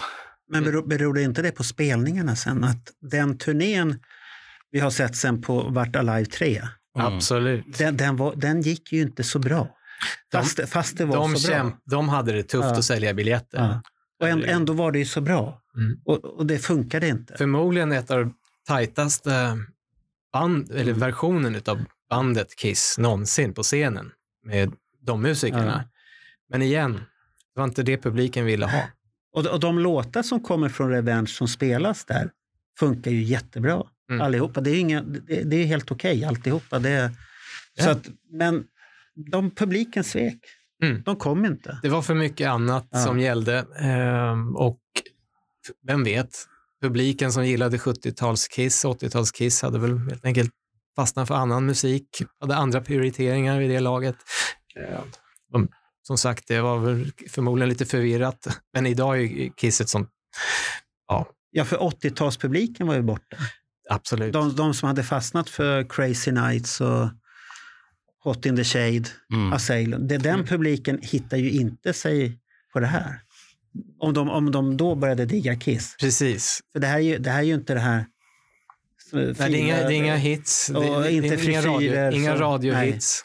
Helt plötsligt är de skitiga. Han har inte rakat sig ens en gång. Inte Paul hade inte rakat sig ens en gång. det. Och det skulle se farligt ut. Mm. Ni, ni måste ju också tänka lite de här banorna. Eh, eftersom Kiss har fun- funnits nu i, jag tror knappt att jag säger det här, men har funnits i 50 år. Sug lite. Sug lite. Ja, ja det, det är länge. Och, och då kan man tänka så här, hur många generationer är det? Man brukar säga att en generation är 11 år. Det betyder att det är nästan fem generationer med fans som har kommit och gått. Och beroende på hur deras familjesituation har sett ut, de kanske skaffar sig familj, barn och hela den här biten. Och då är de liksom borta i tio år. Och så växer barnen till sig. Eh, gubben, eller förhoppningsvis också gumman i familjen, tar med sig ungarna på näst och blir liksom nästa generations Kiss-fans. Eh, jag har sagt det många gånger och jag säger det igen eh, när det gäller eh, vloggen. eh, Bernt pratar Kiss på söndagarna, då är det bara män 45 till 55 år. Det är allt. Var är alla andra människor? Och det var ju en dealbreaker och en sak som vi, du och jag Marco, pratade om från Mm. allra första början. Var är kvinnorna? Och det klarade vi av lite grann i förra avsnittet när vi hade Raja och Jan. Och de fick berätta sin story. Men de är inte den första generationen, utan Janne kanske är den första och en halvte generationen. Raja kommer in kanske som tre, fjärde generationens Kiss-fans. Ja, väldigt sent. Ja. Väldigt sent. Så jag tror att det handlar väldigt mycket om hur man, hur man vill mäta det här. Ska man mäta det på skivförsäljning, på eh, hur många låtar som har lyssnats på på Spotify eller vad det är? Det svaret har inte jag. Men Nej. Antalet Kiss-fans som finns är mycket större än vad man kan mäta. Det, Jo, det, det är det. Men, men det är ju därför det blir de här debatterna på alla jävla grupper. jo, För men- det är livsfarligt att yttra sig någonting. Men- för, det, det, för de kanske skulle ha en kurs. här. Det, det är 50 år som du ser bandet att spela. Mm. Då finns det olika generationer som lyssnar på Kiss. Tänk på det innan du börjar skriva och hålla på och smattra på tangentbordet. Fa- Fanns det någonting mer att säga om Revenge eller har vi sagt? Jag undrar ju förstås, du fick ju mothugg. Vad skrev alla de här personerna? Mer än att du hade fel? Ja, de var ju lite mer, de gick ju inte in på hifi-analysen som du, det var mer som Olle här att de analyserade låtarna de tyckte. Ja, ja. Inte som han att ljudbilden är bra. Och, och det, det, det är ju inga, jag skrev att det är inget fel på låtarna men Mm. det, det säger inte så mycket till mig längre. Och, jag, och då skrev jag fortfarande till dem att det är mina åsikter. Och du får ha, jag ger tummen upp när de hyllar skivan för det. Jag respekterar det. Men Jag kan nog hålla med om Mm. att eh, det låter jättekonstigt, men jag gillar nog plattan innan, Hard in the Shade, Ja. som en som skiva och en, jag gör Revenge. Men däremot det finns några riktiga ja, stänkare som man säger Ja. på Re- Revenge här. Men som, eh, som, som modern Kiss, om vi säger så, så Kiss med Bruce Kulick Ja. och en annan trummis, eh, så föredrar jag nog den här Desmond Child-varianten. den, lite, den lite poppigare. Eh, I lagom dos. Den, men å andra sidan, lyssnar man för mycket på någonting till slut så blir man ju det som är äta som de, ja, typ Gene Simmons eh, liksom liknelse. Äter du för mycket ostkaka så mår du illa. Liksom. Det, det, det kan ju vara det också att jag har lyssnat för mycket på den när den kom. Det är så absolut. Så, så kan det jag, vara. Jag, jag kan inte lyssna på The Beatles längre till exempel. Jag har lyssnat sönder. Jag orkar inte mer. Så att, och det säger man, Åh! Nej, jag, jag säger ingenting. Jag, jag, jag försökte se den här dokumentären när du pratade om Beatles. Som var på, ja, den var för, för de som älskar bandet för mycket. Alltså. För, vad, det, vad, det, det, det, det var ingenting för mig. Mm. vad ni än gör nu grabbar, öppna inte Beatles-dörren. Nej. Nej, nej. För då, blir, då blir det här Då stänger avsnittet- vi volten också då. Precis. Och Nej, så men- går vi över till nästa sak Precis, istället. men Då. det kan vara lite så här, man har, när det gäller Kiss-plattorna, det som är så fantastiskt, de har gjort så många skivor och så många olika varianter på Kiss-musik. Det vet vi ju alla. Ja, det, det, det finns det. Men de började ju, de var så unga och hade vi knappt koll på vad de gjorde, men det var ju charmig rock, liksom. inte särskilt kalkylerade var 70-talsplattorna. Och sen utvecklades det till någonting annat, vi vet alla vad och hur. När, och när de börjar tänka efter. Ja, Då kom det här konstiga mycket. när man börjar tänka för. Vad gör jag? Vad, vad är meningen med det här? Vad är, en, vad, är, vad är en hit? Jag vet ju, Ja. in, när jag bodde i New York till exempel, när jag pluggade där, så brukade jag hänga på 8th Street och det fanns en butik där som hette Revolution Records. Revolver Records tror jag också den hette ett tag, som dealade mycket bootlegs. Och jag lärde känna en person där som jag kan faktiskt säga namnet på, Alan Voss. Han var faktiskt Ja. ryss från början. Och Alan eh, bodde, hade bott där nere på Lower East Side sen tidigt, ja, kanske det var, kom han dit 80 kanske, 79 eller något sånt där. Och han älskar musik och han gick på mycket klubbar och han berättade för mig att Those Kiss guys, jag lyssnade, när jag växte upp så lyssnade jag mycket på Kiss och, och sådär. Vi brukar hänga lite i butiken så här på kvällarna när de har öppet sent nämligen. Då sa han, those guys, I used to see them in the clubs all the time. What, what do you mean? Uh, you know, the guys running the band, Gene, Paul, whatever their names are. I, I used to see them all the time. scouting, Ja. kolla läget, pulsen, fingret på pulsen. Så, så det säger en del om hur de är som personer, som musiker eller som artister, att de var alltid intresserade av vad som händer på, liksom på gatunivå, street level, som man säger, innan det släpps. Så att de, Mm. eh, de har alltid hängt, de har aldrig varit rädda för att liksom ha koll på saker som bubblar.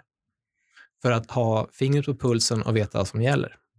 Men, då, men då, det är då det kan bli de här konstiga sakerna. Kanske. Som Där- du har det här eh, samarbetet med japanska tjejerna. så man, ingen, ingen förstod den här samurajlåten som skulle komma där.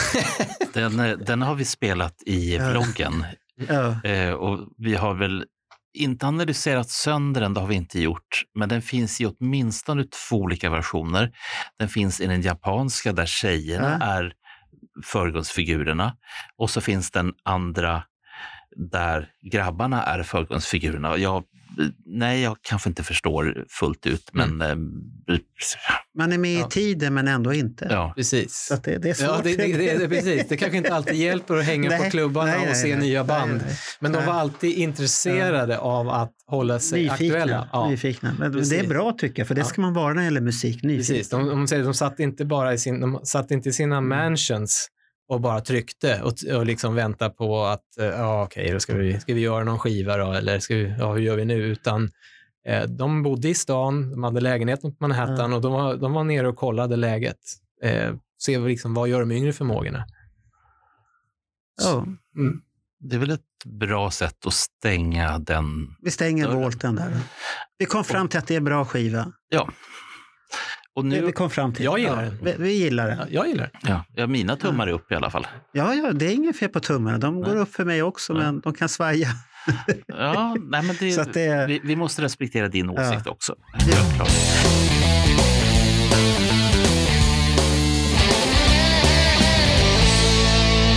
När man får vara gäst i Let Me Know, då har man ett åtagande. Inte bara att ha ett trevligt samtal med oss, utan vi kommer till fem saker. Förra veckan så var det Raja och Janne som fick berätta och visa fem saker som var viktiga för dem. Men, Olle Linderholm, vilka är dina fem saker? Som icke-kiss-samlare nu för tiden. Men jag var, jag samlade som vi alla för länge, länge sedan. Du, Så er, du erkänner det alltså? jag hade en samling, jag hade en stor samling med Poster, den tidningen Poster. Eh, Ah, ja, oj, oj. Gjorde du av med det? ja, Aj, aj, aj. Svider det inte fortfarande idag? det var, jag vet inte, jag tycker bilderna finns kvar. De är så etsade i, eh, i, i min hjärna att jag kan se dem utan att, jag behöver inte ha dem. Nej, nej, okej. Ja, jag, Du har minnena kvar? Ja. ja precis. Och det Ja. finns ju bilder från pojkrummet. Så där har vi dem Ah, du också. har bild från det också? Ja, det finns bild på mig tio år gammal, eh, omringad utav Kiss. Oh, Så jag klarar mig. Ja, säger så. häftigt. Men jag har sparat några saker. Okej. Och en är en jätteposter som är så ball, tycker jag fortfarande. Den är från, den visar väl Kiss 75, 76, ja, 70, 75 tror jag, ja. innan Ja. Destroyer. Och det är en, eh, för er som är samlare där ute vet säkert, det var en licensierad poster. En riktig. Den eh, här Boot, Bootwell, en av de tre Bootwell. någonting, precis. Alltså är det en sån här gigant som Bernt släpper? det, det, Ah, är, det är giganten. Okej. Och ehm, den har jag kvar. Den är fantastiskt ihoprullad i eh, garderoben. Den åker inte upp på, på väggen, tycker frugan. Även om hur ball den än må vara. Nej, Vi, det... vi ska inte ha sånt på väggen. Nej, okej. Mhm. Men jag har den gärna i garderoben och rullar ut den ibland och säger till mig själv, wow, fan vad ballar de såg ut. Så du, du tar fram den och Det- tittar på den? då då? händer. Ja, ja, men det är häftigt. och för er som är uppvuxna i, eh, ja, samma, kanske lite äldre än mig, minns en, en bok, som en ungdomsbok. Eh, sent Snöret. 70-tal. Snöret, exakt. Ah. Omslaget till snöret är inte en massa bilder ihopsatta, det är den postern. Jaha, är det den? Jaha, okej, då vet vi vilken du menar. Yes, det är en poster. Och Mm. det är en av mina prized possessions, man säger. Den har fått vara kvar. Sen har jag Kiss första platta. Eh, jag tror det är andra pressen. För Kiss in Time är med, men det är USA-pressen är tidig. Och det är snudd på mint condition. Den, jag har sparat den därför att den låter fantastiskt bra. Fortfarande tycker jag, för vad det är. När, när fick du den? Det är modern tid. Det kan, jag- Ah, kan- det är modern Ja, det är nog, jag, den har jag nog haft sedan um, 20 år tillbaks kanske. Okej. Den låter jättebra tycker jag. Vilken, vilken var annars den första Kiss-plattan och när fick du den? Unmasked, Oh, Ni- Okej. 1980. Nio års Ah, ja. present. Men omslaget är häftigt. Det tyckte jag. Det, det är häftigt. Och den bästa storyn det var att jag kommer ihåg när jag fick den av min mamma. Eh, och ja, det här var ju ballt. Liksom, lyssna på den. Mamma var tveksam till Kiss. Ja, hade ju sett dem i Expressen eller såg ut. Men jag lyssnade på skivan och jag lyssnade på den i eh, vardagsrummet. Och eh, det började mjukna lite för morsan. Så det gick någon månad eller två och sen var det helt plötsligt fest med släkten över. Och morsan sliter fram Kiss-skivan och slänger på på festen. Jaså? är Hade bra. de blivit omvända? Ja, Okej. så helt plötsligt är det, det är som Cheap Trick-låten, Got My Kiss Records Out. Jaha, okej. så hon började spela Unmasked. Den tyckte det var, Jaha. det var rätt bra. Men det är, det är ju en popskiva, så att det, är, det är en bra skiva på det En sättet. del säger att det låter som The Cars. Ja. Men, men du lyckades ju i alla fall. Jag kommer ihåg att när eh, Destroyer var helt ny, jag försökte ju få min mamma och hennes dåvarande pojkvän att tycka om Kiss. Mm. Jag kan förstå varför, den är lite konstig. Jag, jag, jag provade till och med Beth, men inte ens det gick hem. Nähä. Okej, okej.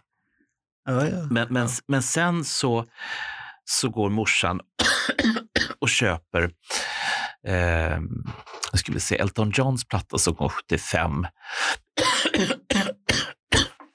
Ja. Det är, tre, det, det är många veckor sedan jag låg hemma med 39 graders feber, men hostan kommer tillbaka. Jo, eh, jag tror att det är Elton Johns, vad är det den heter, Brown Dirt Cowboy eller någonting sånt. Det är, en, det är en otroligt visuellt omslag. Det är affischer och det är allt möjligt i den där. Den gick morsan och köpte till eh, pojkvännens son.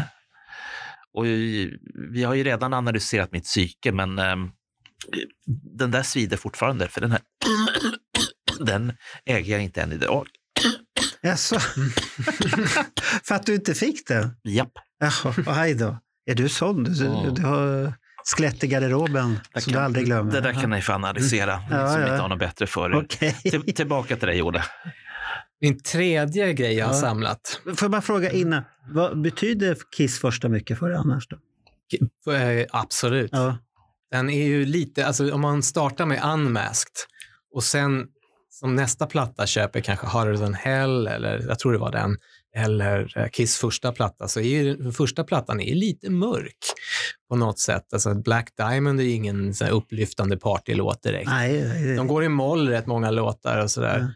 Ehm, men för de är, det är lite tyngre och det, ja, vi vet ju vad det påminner om och så här, allting som händer kring den eran. Men jag tycker ändå den är så otroligt charmig i sin lite garagiga style. Man hör verkligen på den här vinylen hur att rummet de står i eh, och spelar på något sätt. Eh, jag gillar närvaron i, i plattan och det kommer fram väldigt bra om man har en bra version av vinylen. Mm. Eh, och sådär. Så den, den har jag sparat. Den, den, den tycker jag låter fantastiskt fortfarande. Japp. Vad var det? Så vi går vidare i grejer jag har sparat i garderoben. Det finns, för er som där ute spelar gitarr kanske minns eran när det släpptes instruktionsvideos. Ja, de där. Oh. där kända gitarrister skulle visa hur man spelar grejerna på plattan alternativt hur de tänker. Och jag beställde 1987 eller 88 kanske det var, 88 måste det ha varit, Vinnie Vincents instruktionsvideo från REH på video, för de hade även PAL-varianten, så man kunde Aha. se den här i Sverige. På Den, skulle, hade- den skulle bli internationellt stor video. alltså. Ja, precis. Oj, han fick, frågar mig inte hur det gick till, men han fick, han fick i alla fall en, ett kontrakt att göra en sån här. De, Ja. Och den har jag sparat för att jag tycker den är enastående intressant. För att när jag var 17 år och satt med min gitarr framför den här videon så förstod jag i princip ingenting av vad han pratade om. Men idag förstår jag allt. Jaha, idag förstår jag. Så tog Ja. det så lång tid? Någonstans, det, det tog väl ett antal år Ja. innan det klarnade. Ja, Okej. Vi snackar kanske någonstans in i början på 2000-talet. Ja. Så, här, så att när jag var runt 30 då, då hade jag hela bilden redo. Men nu kan jag säga att jag har obs, inte suttit sedan 88 Nej. och tittat på den varje dag. Men ibland tar ju saker lite tid att eh, förstå. Det vet väl alla som ja. pluggar någonting att det tar ett, ett tag innan poletten trillar ner och man får liksom, man, man connect the dots som man säger. Du får aha-upplevelse. Just det. Aha. Så att den, den har jag sparat och jag tycker den är, den är faktiskt riktigt spännande. Eh, Dels därför att det är, man älskar vad är det för man, omslagsbild på den? Har han, har han stor frisyr på den? han, har, han har en, det ser ut som en slags in, squaw-variant. Eh, långt eh, svart. Är ju inte hans hår. Nähä, Men det är inte så viktigt. Nej, nej. har rätt. Sådär. Så han har en, det, det jag tycker om i videon är att det ser ut som han har, halvvägs in i videon så byter han frisyr. Och kanske, ja, Ja, hjälp. Okej. det, var, det var inspelat en annan dag. Ja, ja. Mm. Men det han pratar om från ett mus musikaliskt perspektiv tycker jag är riktigt spännande. Faktiskt. ja, för han är ju duktig. Han är, Eller han var, vi, vi Han vet ju inte om han är duktig längre. Nej, jag tror han har tappat allt. Ja. Tyvärr. Eh, Men jag tror han har, han har nog, ehm, han har inte tekniken, men han har, som, han, är, har varit yrkesmusiker, det är det enda han har varit egentligen hela sitt liv, där han tjänar några pengar. Resten har varit något annat. Men det är ju det han skulle ha varit. Ibland undrar jag om inte liksom, att gå med i Kiss var, var ingen bra idé för han personligen. Han Mm. kanske hade kommit, eh, kanske inte Nej, blivit lika känd, men han, han kanske skulle kunna ha blivit en Steve Lukather eller någon annan sån här sessionsnubbe från den Ja. tiden. Svårt att veta. Men Ja. hur som helst, eh, intressant spelstil, eh, intressant tänk och vi vet ju alla att han har gjort bra låtar inom både pop och, och hårdrocks. ja, för det är han duktig. Han är duktig Precis, på... han har bra känsla och många, Ja. många underskattar också, de har inte förstått tror jag, att det är han som har skrivit texterna. Det är, Mm. Det är faktiskt hans texter, mycket av som Gene bara har. eh, Ja, det har, det har jag aldrig tänkt på. men det är han. Det är, hans, är det, ja, absolut. Okej. Det är hans grejer. Så han har ganska bra känsla för att rida på texterna. Ja. Um, så, är- så den videon har jag sparat för jag tycker att den är... En del hatar hans stil, men jag, jag tycker den är, fantastisk. Jo, jo, det, det är inget fel på det. Ja, den, han är nästan, det är nä, nästan jazz-touch på det. Liksom. Han är, det, är inte, det är inte traditionell rock. Är det åt Steve Vai-hållet ungefär? Nej, det är Eller är han för extrem? Alan Holdsworth. Jaha, okej. Alltså, fusion. Ja, Weird. Okej. Ser- Jaha, är det någon mer sak? Jo, jag har mitt foto. Såklart. Från... Sheraton 87. Jaha. Så då en kan vi passa på att tacka Rickard Göransson för det. Jaha, det var han som tog bilden? Jajamän. Han Okej. hade alltid bra kamerautrustning. Ehm, Kom den med i Kiss Sverige-boken? nej, det, gör, det gjorde den nog inte. Men jag har en annan bild där faktiskt. Jaha. Ja, Har du böcker med, eller har du eh, bilder i boken? jajamän. Det var herr Falk som kontaktade mig för det måste vara 15 år sedan. Vilken bild är det? Det är en bild när Paul Stanley går ut från ett hotell i eh, Göteborg, Sheraton. Det är väl Scandic idag kanske. Vid tågstationen där. Vi stod, jag hängde med några kompisar som var lite äldre som hade körkort 88 och såg konserten på Frölundaborg med dem. Eh, Crazy Nights. Ja. Så att jag och Roger var längst fram i princip och det var trångt. Det var ett litet ställe men det var bra tryck och det var fascinerande faktiskt att se sina dom, idoler precis mitt framför sådär. Man, kunde, man förstod lite mer hur, eh, hur musiken hänger ihop liksom. Man står sådär mitt i alltihopa. Det var häftigt faktiskt. Det kan jag tänka. Men det var trångt och svettigt. Vi pallade väl ungefär halva konserten längst fram. och sen när det var över så åkte vi hem igen. Jag var väl hemma vid fyra, fem på morgonen här i Stockholm. Jaha, ni åkte hem direkt? så? Ja, inget hotell. Ja, inget Fram och nej. tillbaks. Det var en lång dag. Det skulle vara billigt. Ja, visst. Vi åkte i eh, en kamrats eh, Nissan Sunny, tror jag den hette. Kommer jag Ja, ihåg. Svart. Den var tuff, tyckte man. Men han, han låg på hårt. Det gick, gick undan när jag kom ihåg det. Jag, var, faktiskt, jag hade inte körkort än, men jag förstod ju skillnaden på att köra lugnt och sansat Ja, ja, eller, eller okej. köra jävligt fort. Det var ju tur att du kom fram då i sådana fall. Precis, men där hade jag kameran med, sådär, jag vet inte varför, dokumentera någonting och vi stannade väl till där vid hotellet, stod och hängde. Tog, när de kom ut från hotellet så eh, tog jag ett foto faktiskt och det råkade bli så bra att när Falk frågade mig, har du några, har du några bilder som kan hjälpa till med? Så "Ja, jag har bara två tror jag. Jag har ett som jag tog där nere i Göteborg, så har jag ett på mig själv och Gene från 87, från Sheraton.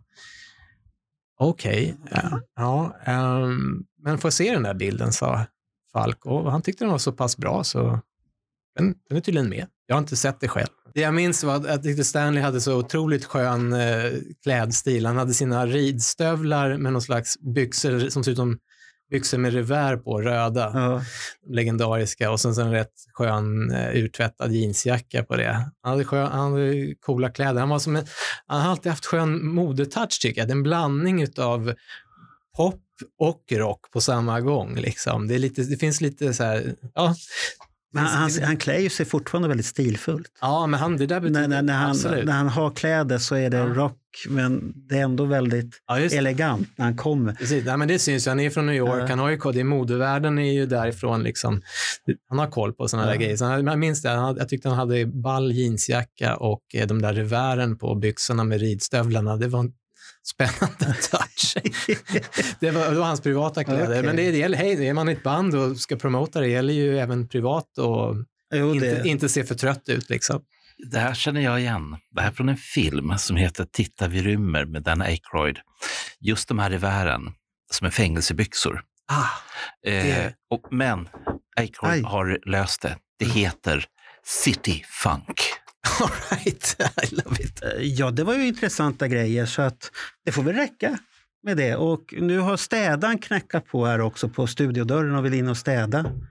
Så att eh, vi får nog Vi alltså, börja avrunda där och jag ska på 50-årsskiva här nu sent som sidor efter det här nu också. du, men, du menar att vi måste avsluta nu? Japp. Du har inte ens sagt att det börjar bli Nej, långt. för det, det har gått så bra. Jag hade inte tänkt på det. Nej, men, Det var så mycket roliga historier. Oj, oj, oj. Då. Så ja. tack Olle. Ja, tack själv. Det var riktigt trevligt att höra. Så det var roligt när jag inte, jag inte kände gästen den här gången överhuvudtaget. Så det tyckte jag var jättebra. All right. Ja. Så får vi bara hoppas att alla våra lyssnare tycker att det här var ett intressant avsnitt. Nu. det måste de ju Ja. tycka. Jag menar, det, så här mycket historier har de ju inte fått samlade någonsin. Eller Nej, det, det, det, det, jag, tror, jag tror, det är alla, inte hos oss i alla fall, så det, idag var det mycket. Ja. Så ska vi säga så att vi, vi avslutar där eller har vi någon slutpoäng? ja, City Funk. Det är min slutpoäng. Okej, ja, det, det är Bernt, nu är han kryptisk igen. Så att vi slutar där. Tack för oss. Ja, Hej! hej då.